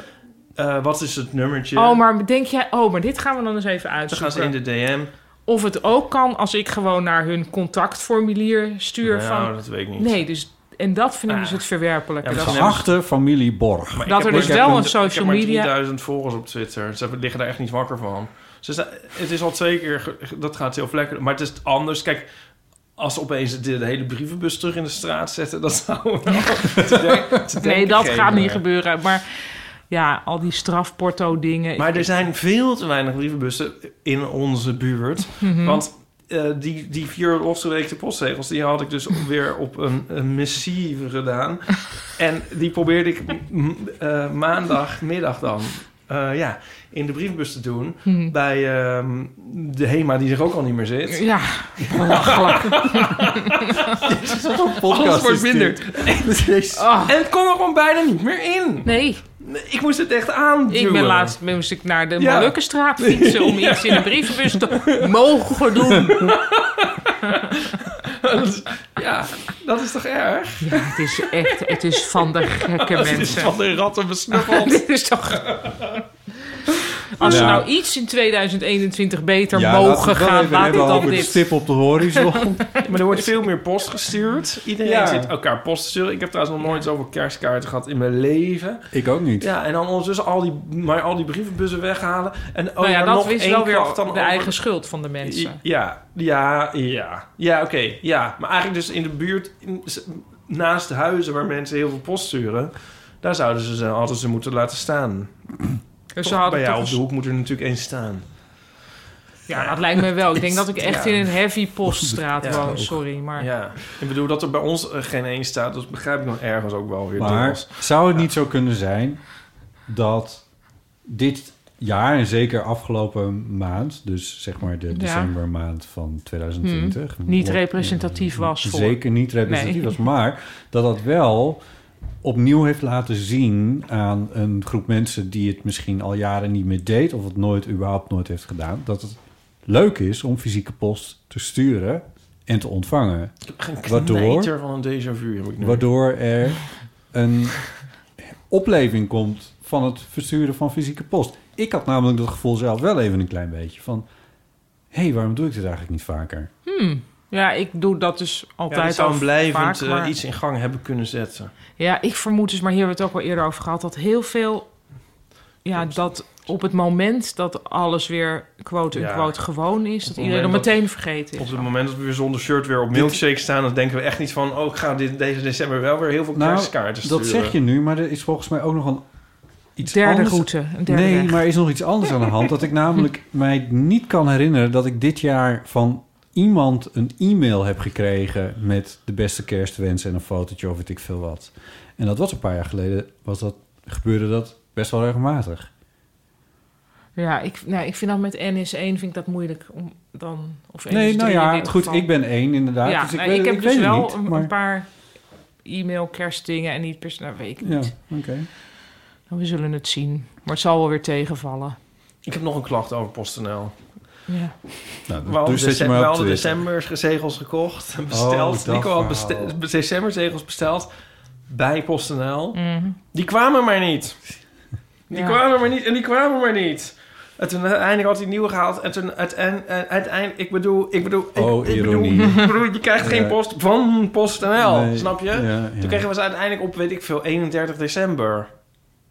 En toen En waren jij echt van thanks for nothing. Ja, toen hebben we ze teruggestuurd. Niet. Ja, want toen hadden we alles natuurlijk al lang verstuurd met eh, eh, dan maar in de winkel gekochte decemberzegels. Ja, maar sorry, we hebben toch net bepaald dat je altijd beter in het vorige jaar je, je zegels kan kopen. Omdat ze dus... Ja, maar die decemberzegels die zijn dan weer niet zomaar weer geldig. Dan moet je er weer bij gaan plakken als dat al Nee, kan. die zijn, dat zijn normale zegels. Bijplakken, bestaat dat nog? Dat had Nee. je vroeger, dat je voor 2 cent nog Ja, nee. postzegels van 2 cent kon kopen. Ja, maar die kunnen houden? Dat zijn gewone postzegels hoor, volgens mij. nee, je koopt ze voor 74 cent of zo. Dus dat is wel iets anders. Want dan zou je ze wel... En, en dan zou je ze wel... Sorry, ik ga even... Ik bel even met het hoofdkantoor Zo, zaken. Dit gaat het Ehm, hoofdkantoor even researchen. Gaan wij ondertussen even luisteren, want we zitten nog steeds gewoon in de eeuwenfoon. Oh. Naar, eh, naar Vera van de etymologiekalender. Hey! Hoi Botte, Ipe, Paulien en of eventuele gast. met Vera. Eh, ik bel namens mezelf, maar ook namens de etymologiekalender die Paulien afgelopen jaar in huis had. Nou ben ik me er wel van bewust dat jullie niet per se fan zijn van bestookt worden met willekeurige taalfeitjes. Maar gelukkig vroegen jullie er afgelopen aflevering helemaal zelf om. Ehm, dus ik wilde graag inbellen met de etymologie van het Friese woord hinder of hinster. Ehm, ja, dit is inderdaad niet verwant aan paard of aan horse of andere Germaanse talen, eh, termen die wij al kennen. Eh, je zou het misschien ook niet heel snel denken, maar het is eigenlijk een samenstelling. Het komt namelijk van het Oud-Friese, eh, de Oud-Friese vorm hengstdiar. En die Oh. klinkt misschien al iets bekender dan hinder, want het is namelijk eh, equivalent met wat in modern Nederlands hengstdier zou zijn. Dus ehm, in hinder is hin is eh, in feite hengst en der is in feite eh, ja, verwant Oh. met dier. En wat dan eerst gebruikt werd als een aanduiding voor mannetjespaard, werd dan later in het algemeen ehm, het Friese woord voor paard. Nou, bedankt voor het opgooien van dit mooie Friese woord. Eh, en Paulien, echt superleuk om te horen dat je plezier hebt gehad van de kalender. Daar werden wij heel erg blij van. En natuurlijk echt hartstikke goed dat je het op blijft nemen voor hoe leuk etymologie kan zijn. Ja. En Ipe, echt ehm, super bedankt voor het maken van deze mooie podcast. Maakt het thuis zitten en ook thuis werken toch weer wat knusser en gezelliger. Ah. Ehm, groetjes. Ik kreeg dus een berichtje van iemand die dus zei, die dus heel enthousiast ge- was geworden over het bestaan van de etymologiekalender en het dus voor dit jaar wilde bestellen, maar dit jaar is hij er niet, want Vera en haar etymologiekalender collega's zijn, geloof ik, allemaal studenten die dit dus uit een soort Oh. liefde voor de etymologie zelf hebben gemaakt. Was het de scheurkalender? Ja, Oh. Een soort letterlijk uit liefde werken, oud papier. Precies. Zo leuk waar dat vandaan komt. Ehm, ja, ik zei toen trouwens, toen we het dus over paard hadden... toen we het over de etymologie van paard hadden... zei ik nog... eh, zei ik van ja, want in alle Romaanse talen heeft het toch meer iets te maken met het Latijn, caballus. En toen dacht ik later, omdat een vriendin van mij mij erop wees, die zei het is toch equus in het Latijn, paard. Kijk Ja. van jou. En ik van hè, toen ben ik gaan opzoeken, want dat dacht ik toen ook. En nu blijkt, ja, het is even voor de volledigheid, niemand vindt het interessant, maar Ja. equus was meer een, een rijpaard en caballus een, een lastpaard. Nou, oké, heb je nog een krekelgeluid? eh, ja. Je hebt equi en een caballi. Zegt mijn moeder dan altijd. Is dit je werkpaard en je hebt luxe paardjes? Ja. Zegt jouw moeder dat Ja, echt? dat zegt ze ook. eh, en zegt ze... eh, nou, Ipe, kwot, liket Jovi, non, non, liket bovi. Nee, nou ja. Ik heb de HAVO gedaan. Ja joh, wees blij dat je het niet begrijpt. Ehm, hoe heet het? Ik heb wel op Eh, universiteit gezeten, Ipe. Oh. een man Ehm, van universitair niveau. Nog eentje, en die is van Dora. Hi Botte en Ipe, dit is Dora. Ehm, zoals jullie hebben gezien staat Egeltje in Overvecht sinds kort op Spotify. Eh, nog bedankt dat jullie dat ook hebben gedeeld. Maar wat jullie niet weten is dat het feit dat het op Spotify staat ook mede aan jullie te danken is. Eh, ik heb namelijk met de feestdagen, eh, geïnspireerd door jullie eh, Sinterklaas afleveringen, met mijn moeder en mijn zus loodjes getrokken waarbij we elkaars levensvragen of dilemma's eh, hebben beantwoord in de vorm van een gedicht en een cadeau. En mijn levensvraag was eh, wat ik volgend jaar met mijn leven moet eigenlijk, eh, of ik een tussenjaar wil doen voordat ik een master ga doen en hoe ik dan een plek voor de muziek daarin kan vinden. Eh, en mijn zus had dat, mijn vraag voor mij beantwoord. Onder andere in de vorm van het cadeau, namelijk dat zij Egeltje in Overvecht op Spotify had gezet. Dus ik dacht, ik laat even weten dat niet alleen het liedje zelf nu een connectie heeft met jullie podcast, maar ook het feit dat het op Spotify staat. Dus eh dankjewel daarvoor. En in het geval dat dit in de podcast komt, luister allemaal Egeltje in Overvecht op Spotify. Oké, doei.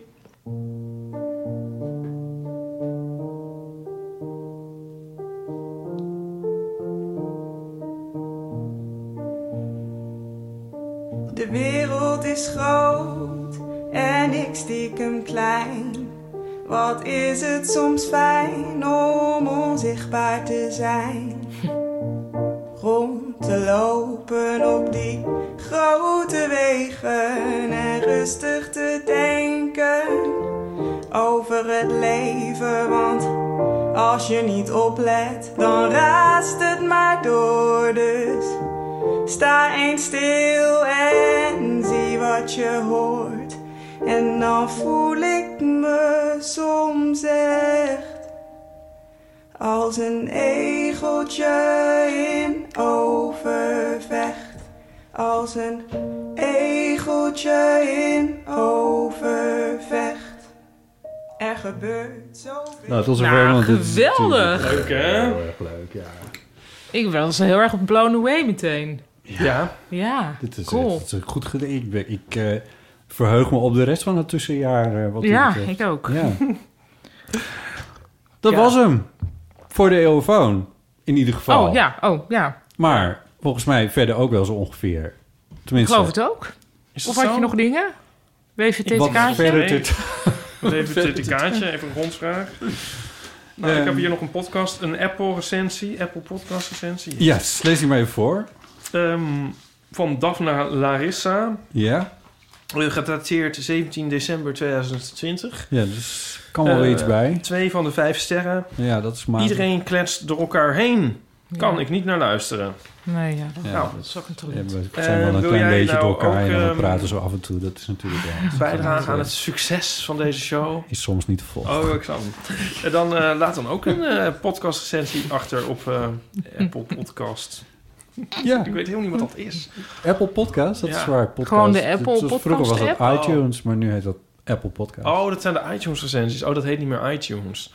Nee, welkom in 2021, Hyperdrice. Is het 2021? Ja, het is niet te doen. Oh. Dat is wel waar. ja. Ja, maar eh, dat, dat kun je wel eens overwegen om dan een, een recensie achter te laten, toch? Dat zouden de mensen wel eens kunnen doen. Zeker, ja. En dan liefst ook met meer sterren. Als je dat leuk vindt, dan eh, vinden we dat natuurlijk heel erg fijn als je die eh, ook eh, geeft.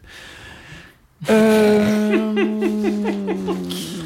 dilemma's, levenskwesties en verhalen zijn welkom op de Eeuwofoon. Mocht je willen reageren op de Eeuwofoon. Uitvaartverhalen, Die eerder zijn begroet. diefstalverhalen, Bijvoorbeeld, inderdaad. schaamteverhalen. Verkeerd ingeschatte sociale situaties. Situaties. Verkeerd ingeschat sociale situaties. Zoals je dat bijvoorbeeld Eh, ineens als clown verkleed op een uitvaart zit. Oh, ik dacht dat we allemaal verkleed kwamen. Ja. Ja, men- mensen die misschien heel ongelukkig waren en gered zijn door een Nee, verlammende 100% ongelukkig. 100% Ja, ongelukkig. Die van en op de 100% vloer. ongelukkig naar Op de vloer. 100% gelukkig zijn gegaan. Of alles ertussenin. Mogen ook bellen. Ja, dan ga je echt, sorry, Ja. heel slijmerige dingen krijgen. Hè, met van, nou ja, zo van... Ach ja, ik ga er ook niet van uit Ik dat was iemand gaat niks, bellen. ik was niks. En toen kwam hij. Ja, En nu dat. ben ik... Dat weet ik veel. Ja. Ja? Nou ja, whatever. We Nou, hebben het nu op zich wel komt wel onaantrekkelijk horen. genoeg Ja. gemaakt. Ehm, dan kun je dus bellen naar de Eeuwofoon. Henk en ik was er super ongelukkig. ik kan gewoon zelf Ja, bellen. zo, ja. Ja. 06. Oh. 2021. Nee, Ipe, het is het jaar waarin Behavior verscheen. Oh, 1990? 68. 68. Oh, 71. Ja, we praten altijd door elkaar. Ja, dat is goed. Weer. Dus, daar kan je naartoe bellen. Eh heeft tegenwoordig ook WhatsApp. Ehm, dus je kan daar ook een verhaal inspreken. Hoe heet dat? Een audiobericht eh, kun je daar eh, inspreken. Of typen of een leuke selfie sturen. Ja, dus, er worden wel geen wat audio, berichtjes hè? gestuurd, maar ik, ik kan dat niet allemaal bij. Nee, dat is Wat? niet te doen. Audio? Nou ja, een leuke selfie sturen, maar het is hier audio. Dus Als nee, ja. Die kijk je niet in berichten? N- nee. Nee, ik kan niet alles... Sorry, Ipe. kan niet alles? Nee, bij. nee, ik nou, kan dat ben niet je is alles dus de sfeer Komt- die ik er hier elke keer merk als ik van het hoofdkantoor hier... dat er een soort van Nee, no can do sfeer hangt. Weet je wat ik doe? Ik, eh, ik, ik geef hem even aan je. Nou, laat maar eens even zien. Wie kun weet je wat even voor schat van... eh, Scrollen door, eh, de, door de, de WhatsApp van de Eurofoon. Gaan wij ondertussen Eventjes rustig naadje afsluiten. En, eh, oh, wow. je kan ook mailen naar de eh Eeuw van de Amateur. Dan kun je mailen naar botten.eeuwvandeamateur.nl Ik zie hier trouwens, je kan decemberzegels gewoon ook als gewone eh, postzegels gebruiken in het nieuwe jaar. Dus blijkbaar is Maar het dan moet je bijplakken. Nee. Oh ja, wel. Ja, je moet dus wel... Hè? Dan moet je bijplakken. Kijk, kijk, deze zegt... Thanks for the beaucoup fish tip van Ipe. Je kent alleen het nummer Jumbo van het album. Gave plaat. Zegt, de, zegt, Zegt. Die foto die je net liet zien, Ja. dat was hem wel een knappe Wat jongeman. een grappig, grappig dingetje is dit, zeg. Wat is dit? Wat een leuk apparaatje is dit. Een iPhone. Een iPhone SE. Ehm, we zitten ook op Instagram, daar heten we Eeuw van Amateur. Jezus, Leuk als je dat gaat volgen. bijplakzegels. Oké. Bijplakzegels, ja. Ja, zo blijf je bezig. Dit is echt voor mensen die zegeltjes plakken leuk vinden. Verschrikkelijk. Je kan ook gewoon naar hallmark.nl gaan. En dan Nee, oh, dat is stom. Oh ja, want dan moet je de tekst moet je dan intypen. Ja. Nee, ik vind dat de hand, het Ja. papier... Maar ja, blijkbaar heb ik er allemaal rabiate ideeën over, merk ik nu zelf al. Nou, Dus laat maar. ik ben het wel met je eens. Alleen soms gaat het niet. Hier is ook iemand die ook nog nooit in de Efteling is geweest. Overigens, had ik dat al verteld? Heb ik dat in de, in de podcast verteld? Ik weet het niet meer. Ik kreeg dus in december een chocoladeletter vanuit de post, via de post, met een, die was handgeschreven geadresseerd. En die was, daar zat een handgeschreven kaart bij van, ik weet niet meer wat erop stond, maar iets van Ja? iets lekkers. Nu, omdat anders verder dicht. En toen, dus ik naar mijn zus appen van, hé, hey, bedankt. Ik dacht dat het handschrift van mijn zus was. Wel aan de nette kant, maar toch. Sorry, zus. Maar het was gewoon een handschrift. En dat Ja. dacht gelijk op mijn zus. Hij zei, haha, nee, je bent de tweede al. Dus ik naar mijn andere zus van, hé, hey, bedankt voor de, de chocoladeletter. En die zei van, nee, ik was het ook niet. En toen dacht ik, ja, maar dit was mijn moeder ook niet. Dus wat ik zit nou voor raars? Hm. Hier is dus het omgekeerde als wat bij Hallmark aan de hand is. Ja. Namelijk dat mijn moeder een chocoladeletter had besteld bij de bakkerij in het dorp. Oh, en die schrijven het En die hebben het met de hand geschreven, hadden die naar mij Oh. toegestuurd. Dat, was eigenlijk Dat is leuk. Ja, ja. En er ontstond meteen ook een leuke discussie in de familie. En Zo leuk. Verder weer. En dan hebben we de-. Warmte. Dat Heb je was nog hem? iets gevonden wat je heel erg interessant vond? Ipe in de Eurofoon? Nee, dat, wat ik liet zien was het mij wel het meest boeiende. Wil je ook kijken? Het is wel een heel leuk, cute apparaatje. Of heb je het Zo ook? leuk. Ja, dit was mijn telefoon tot Oh, voor kort. wat is jouw verhaal? Nou, het is niet mijn telefoon, maar... Ah. Ja, sluit maar af. Ja, als we de vestiging in eh, Naarden gaan sluiten trouwens... dan komen natuurlijk ook weer een heleboel telefoons eh, vrij.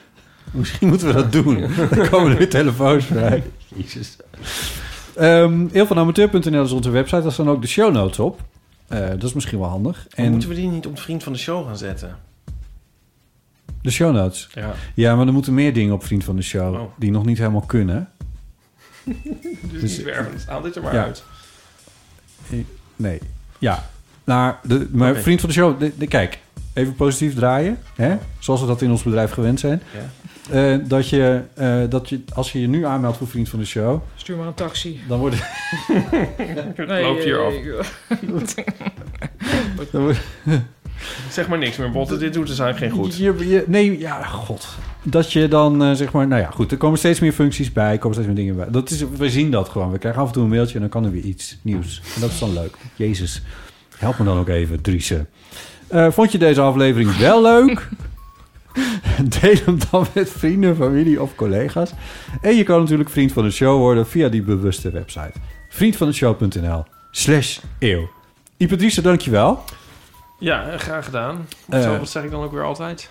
Dat je, dat... Beer dankt. Oh, Beer dankt. Ja? Of niet? Beer dankt. Ja.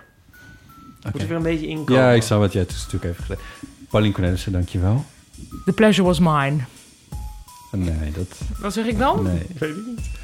Ja, leuk. Eh, of ja, ja, meestal is het zoiets onhandigs wat je Ja. zegt. Ja. Velen we het normaal niet gewoon uit. Ja, ja. dat had te lang moeten gebeuren. Dank jullie wel. Bedankt voor het luisteren. En tot de volgende keer. En een goede reis terug. Tum, tum, tum, tum, tum. Tum, tum, tum, tum, tum. Toch?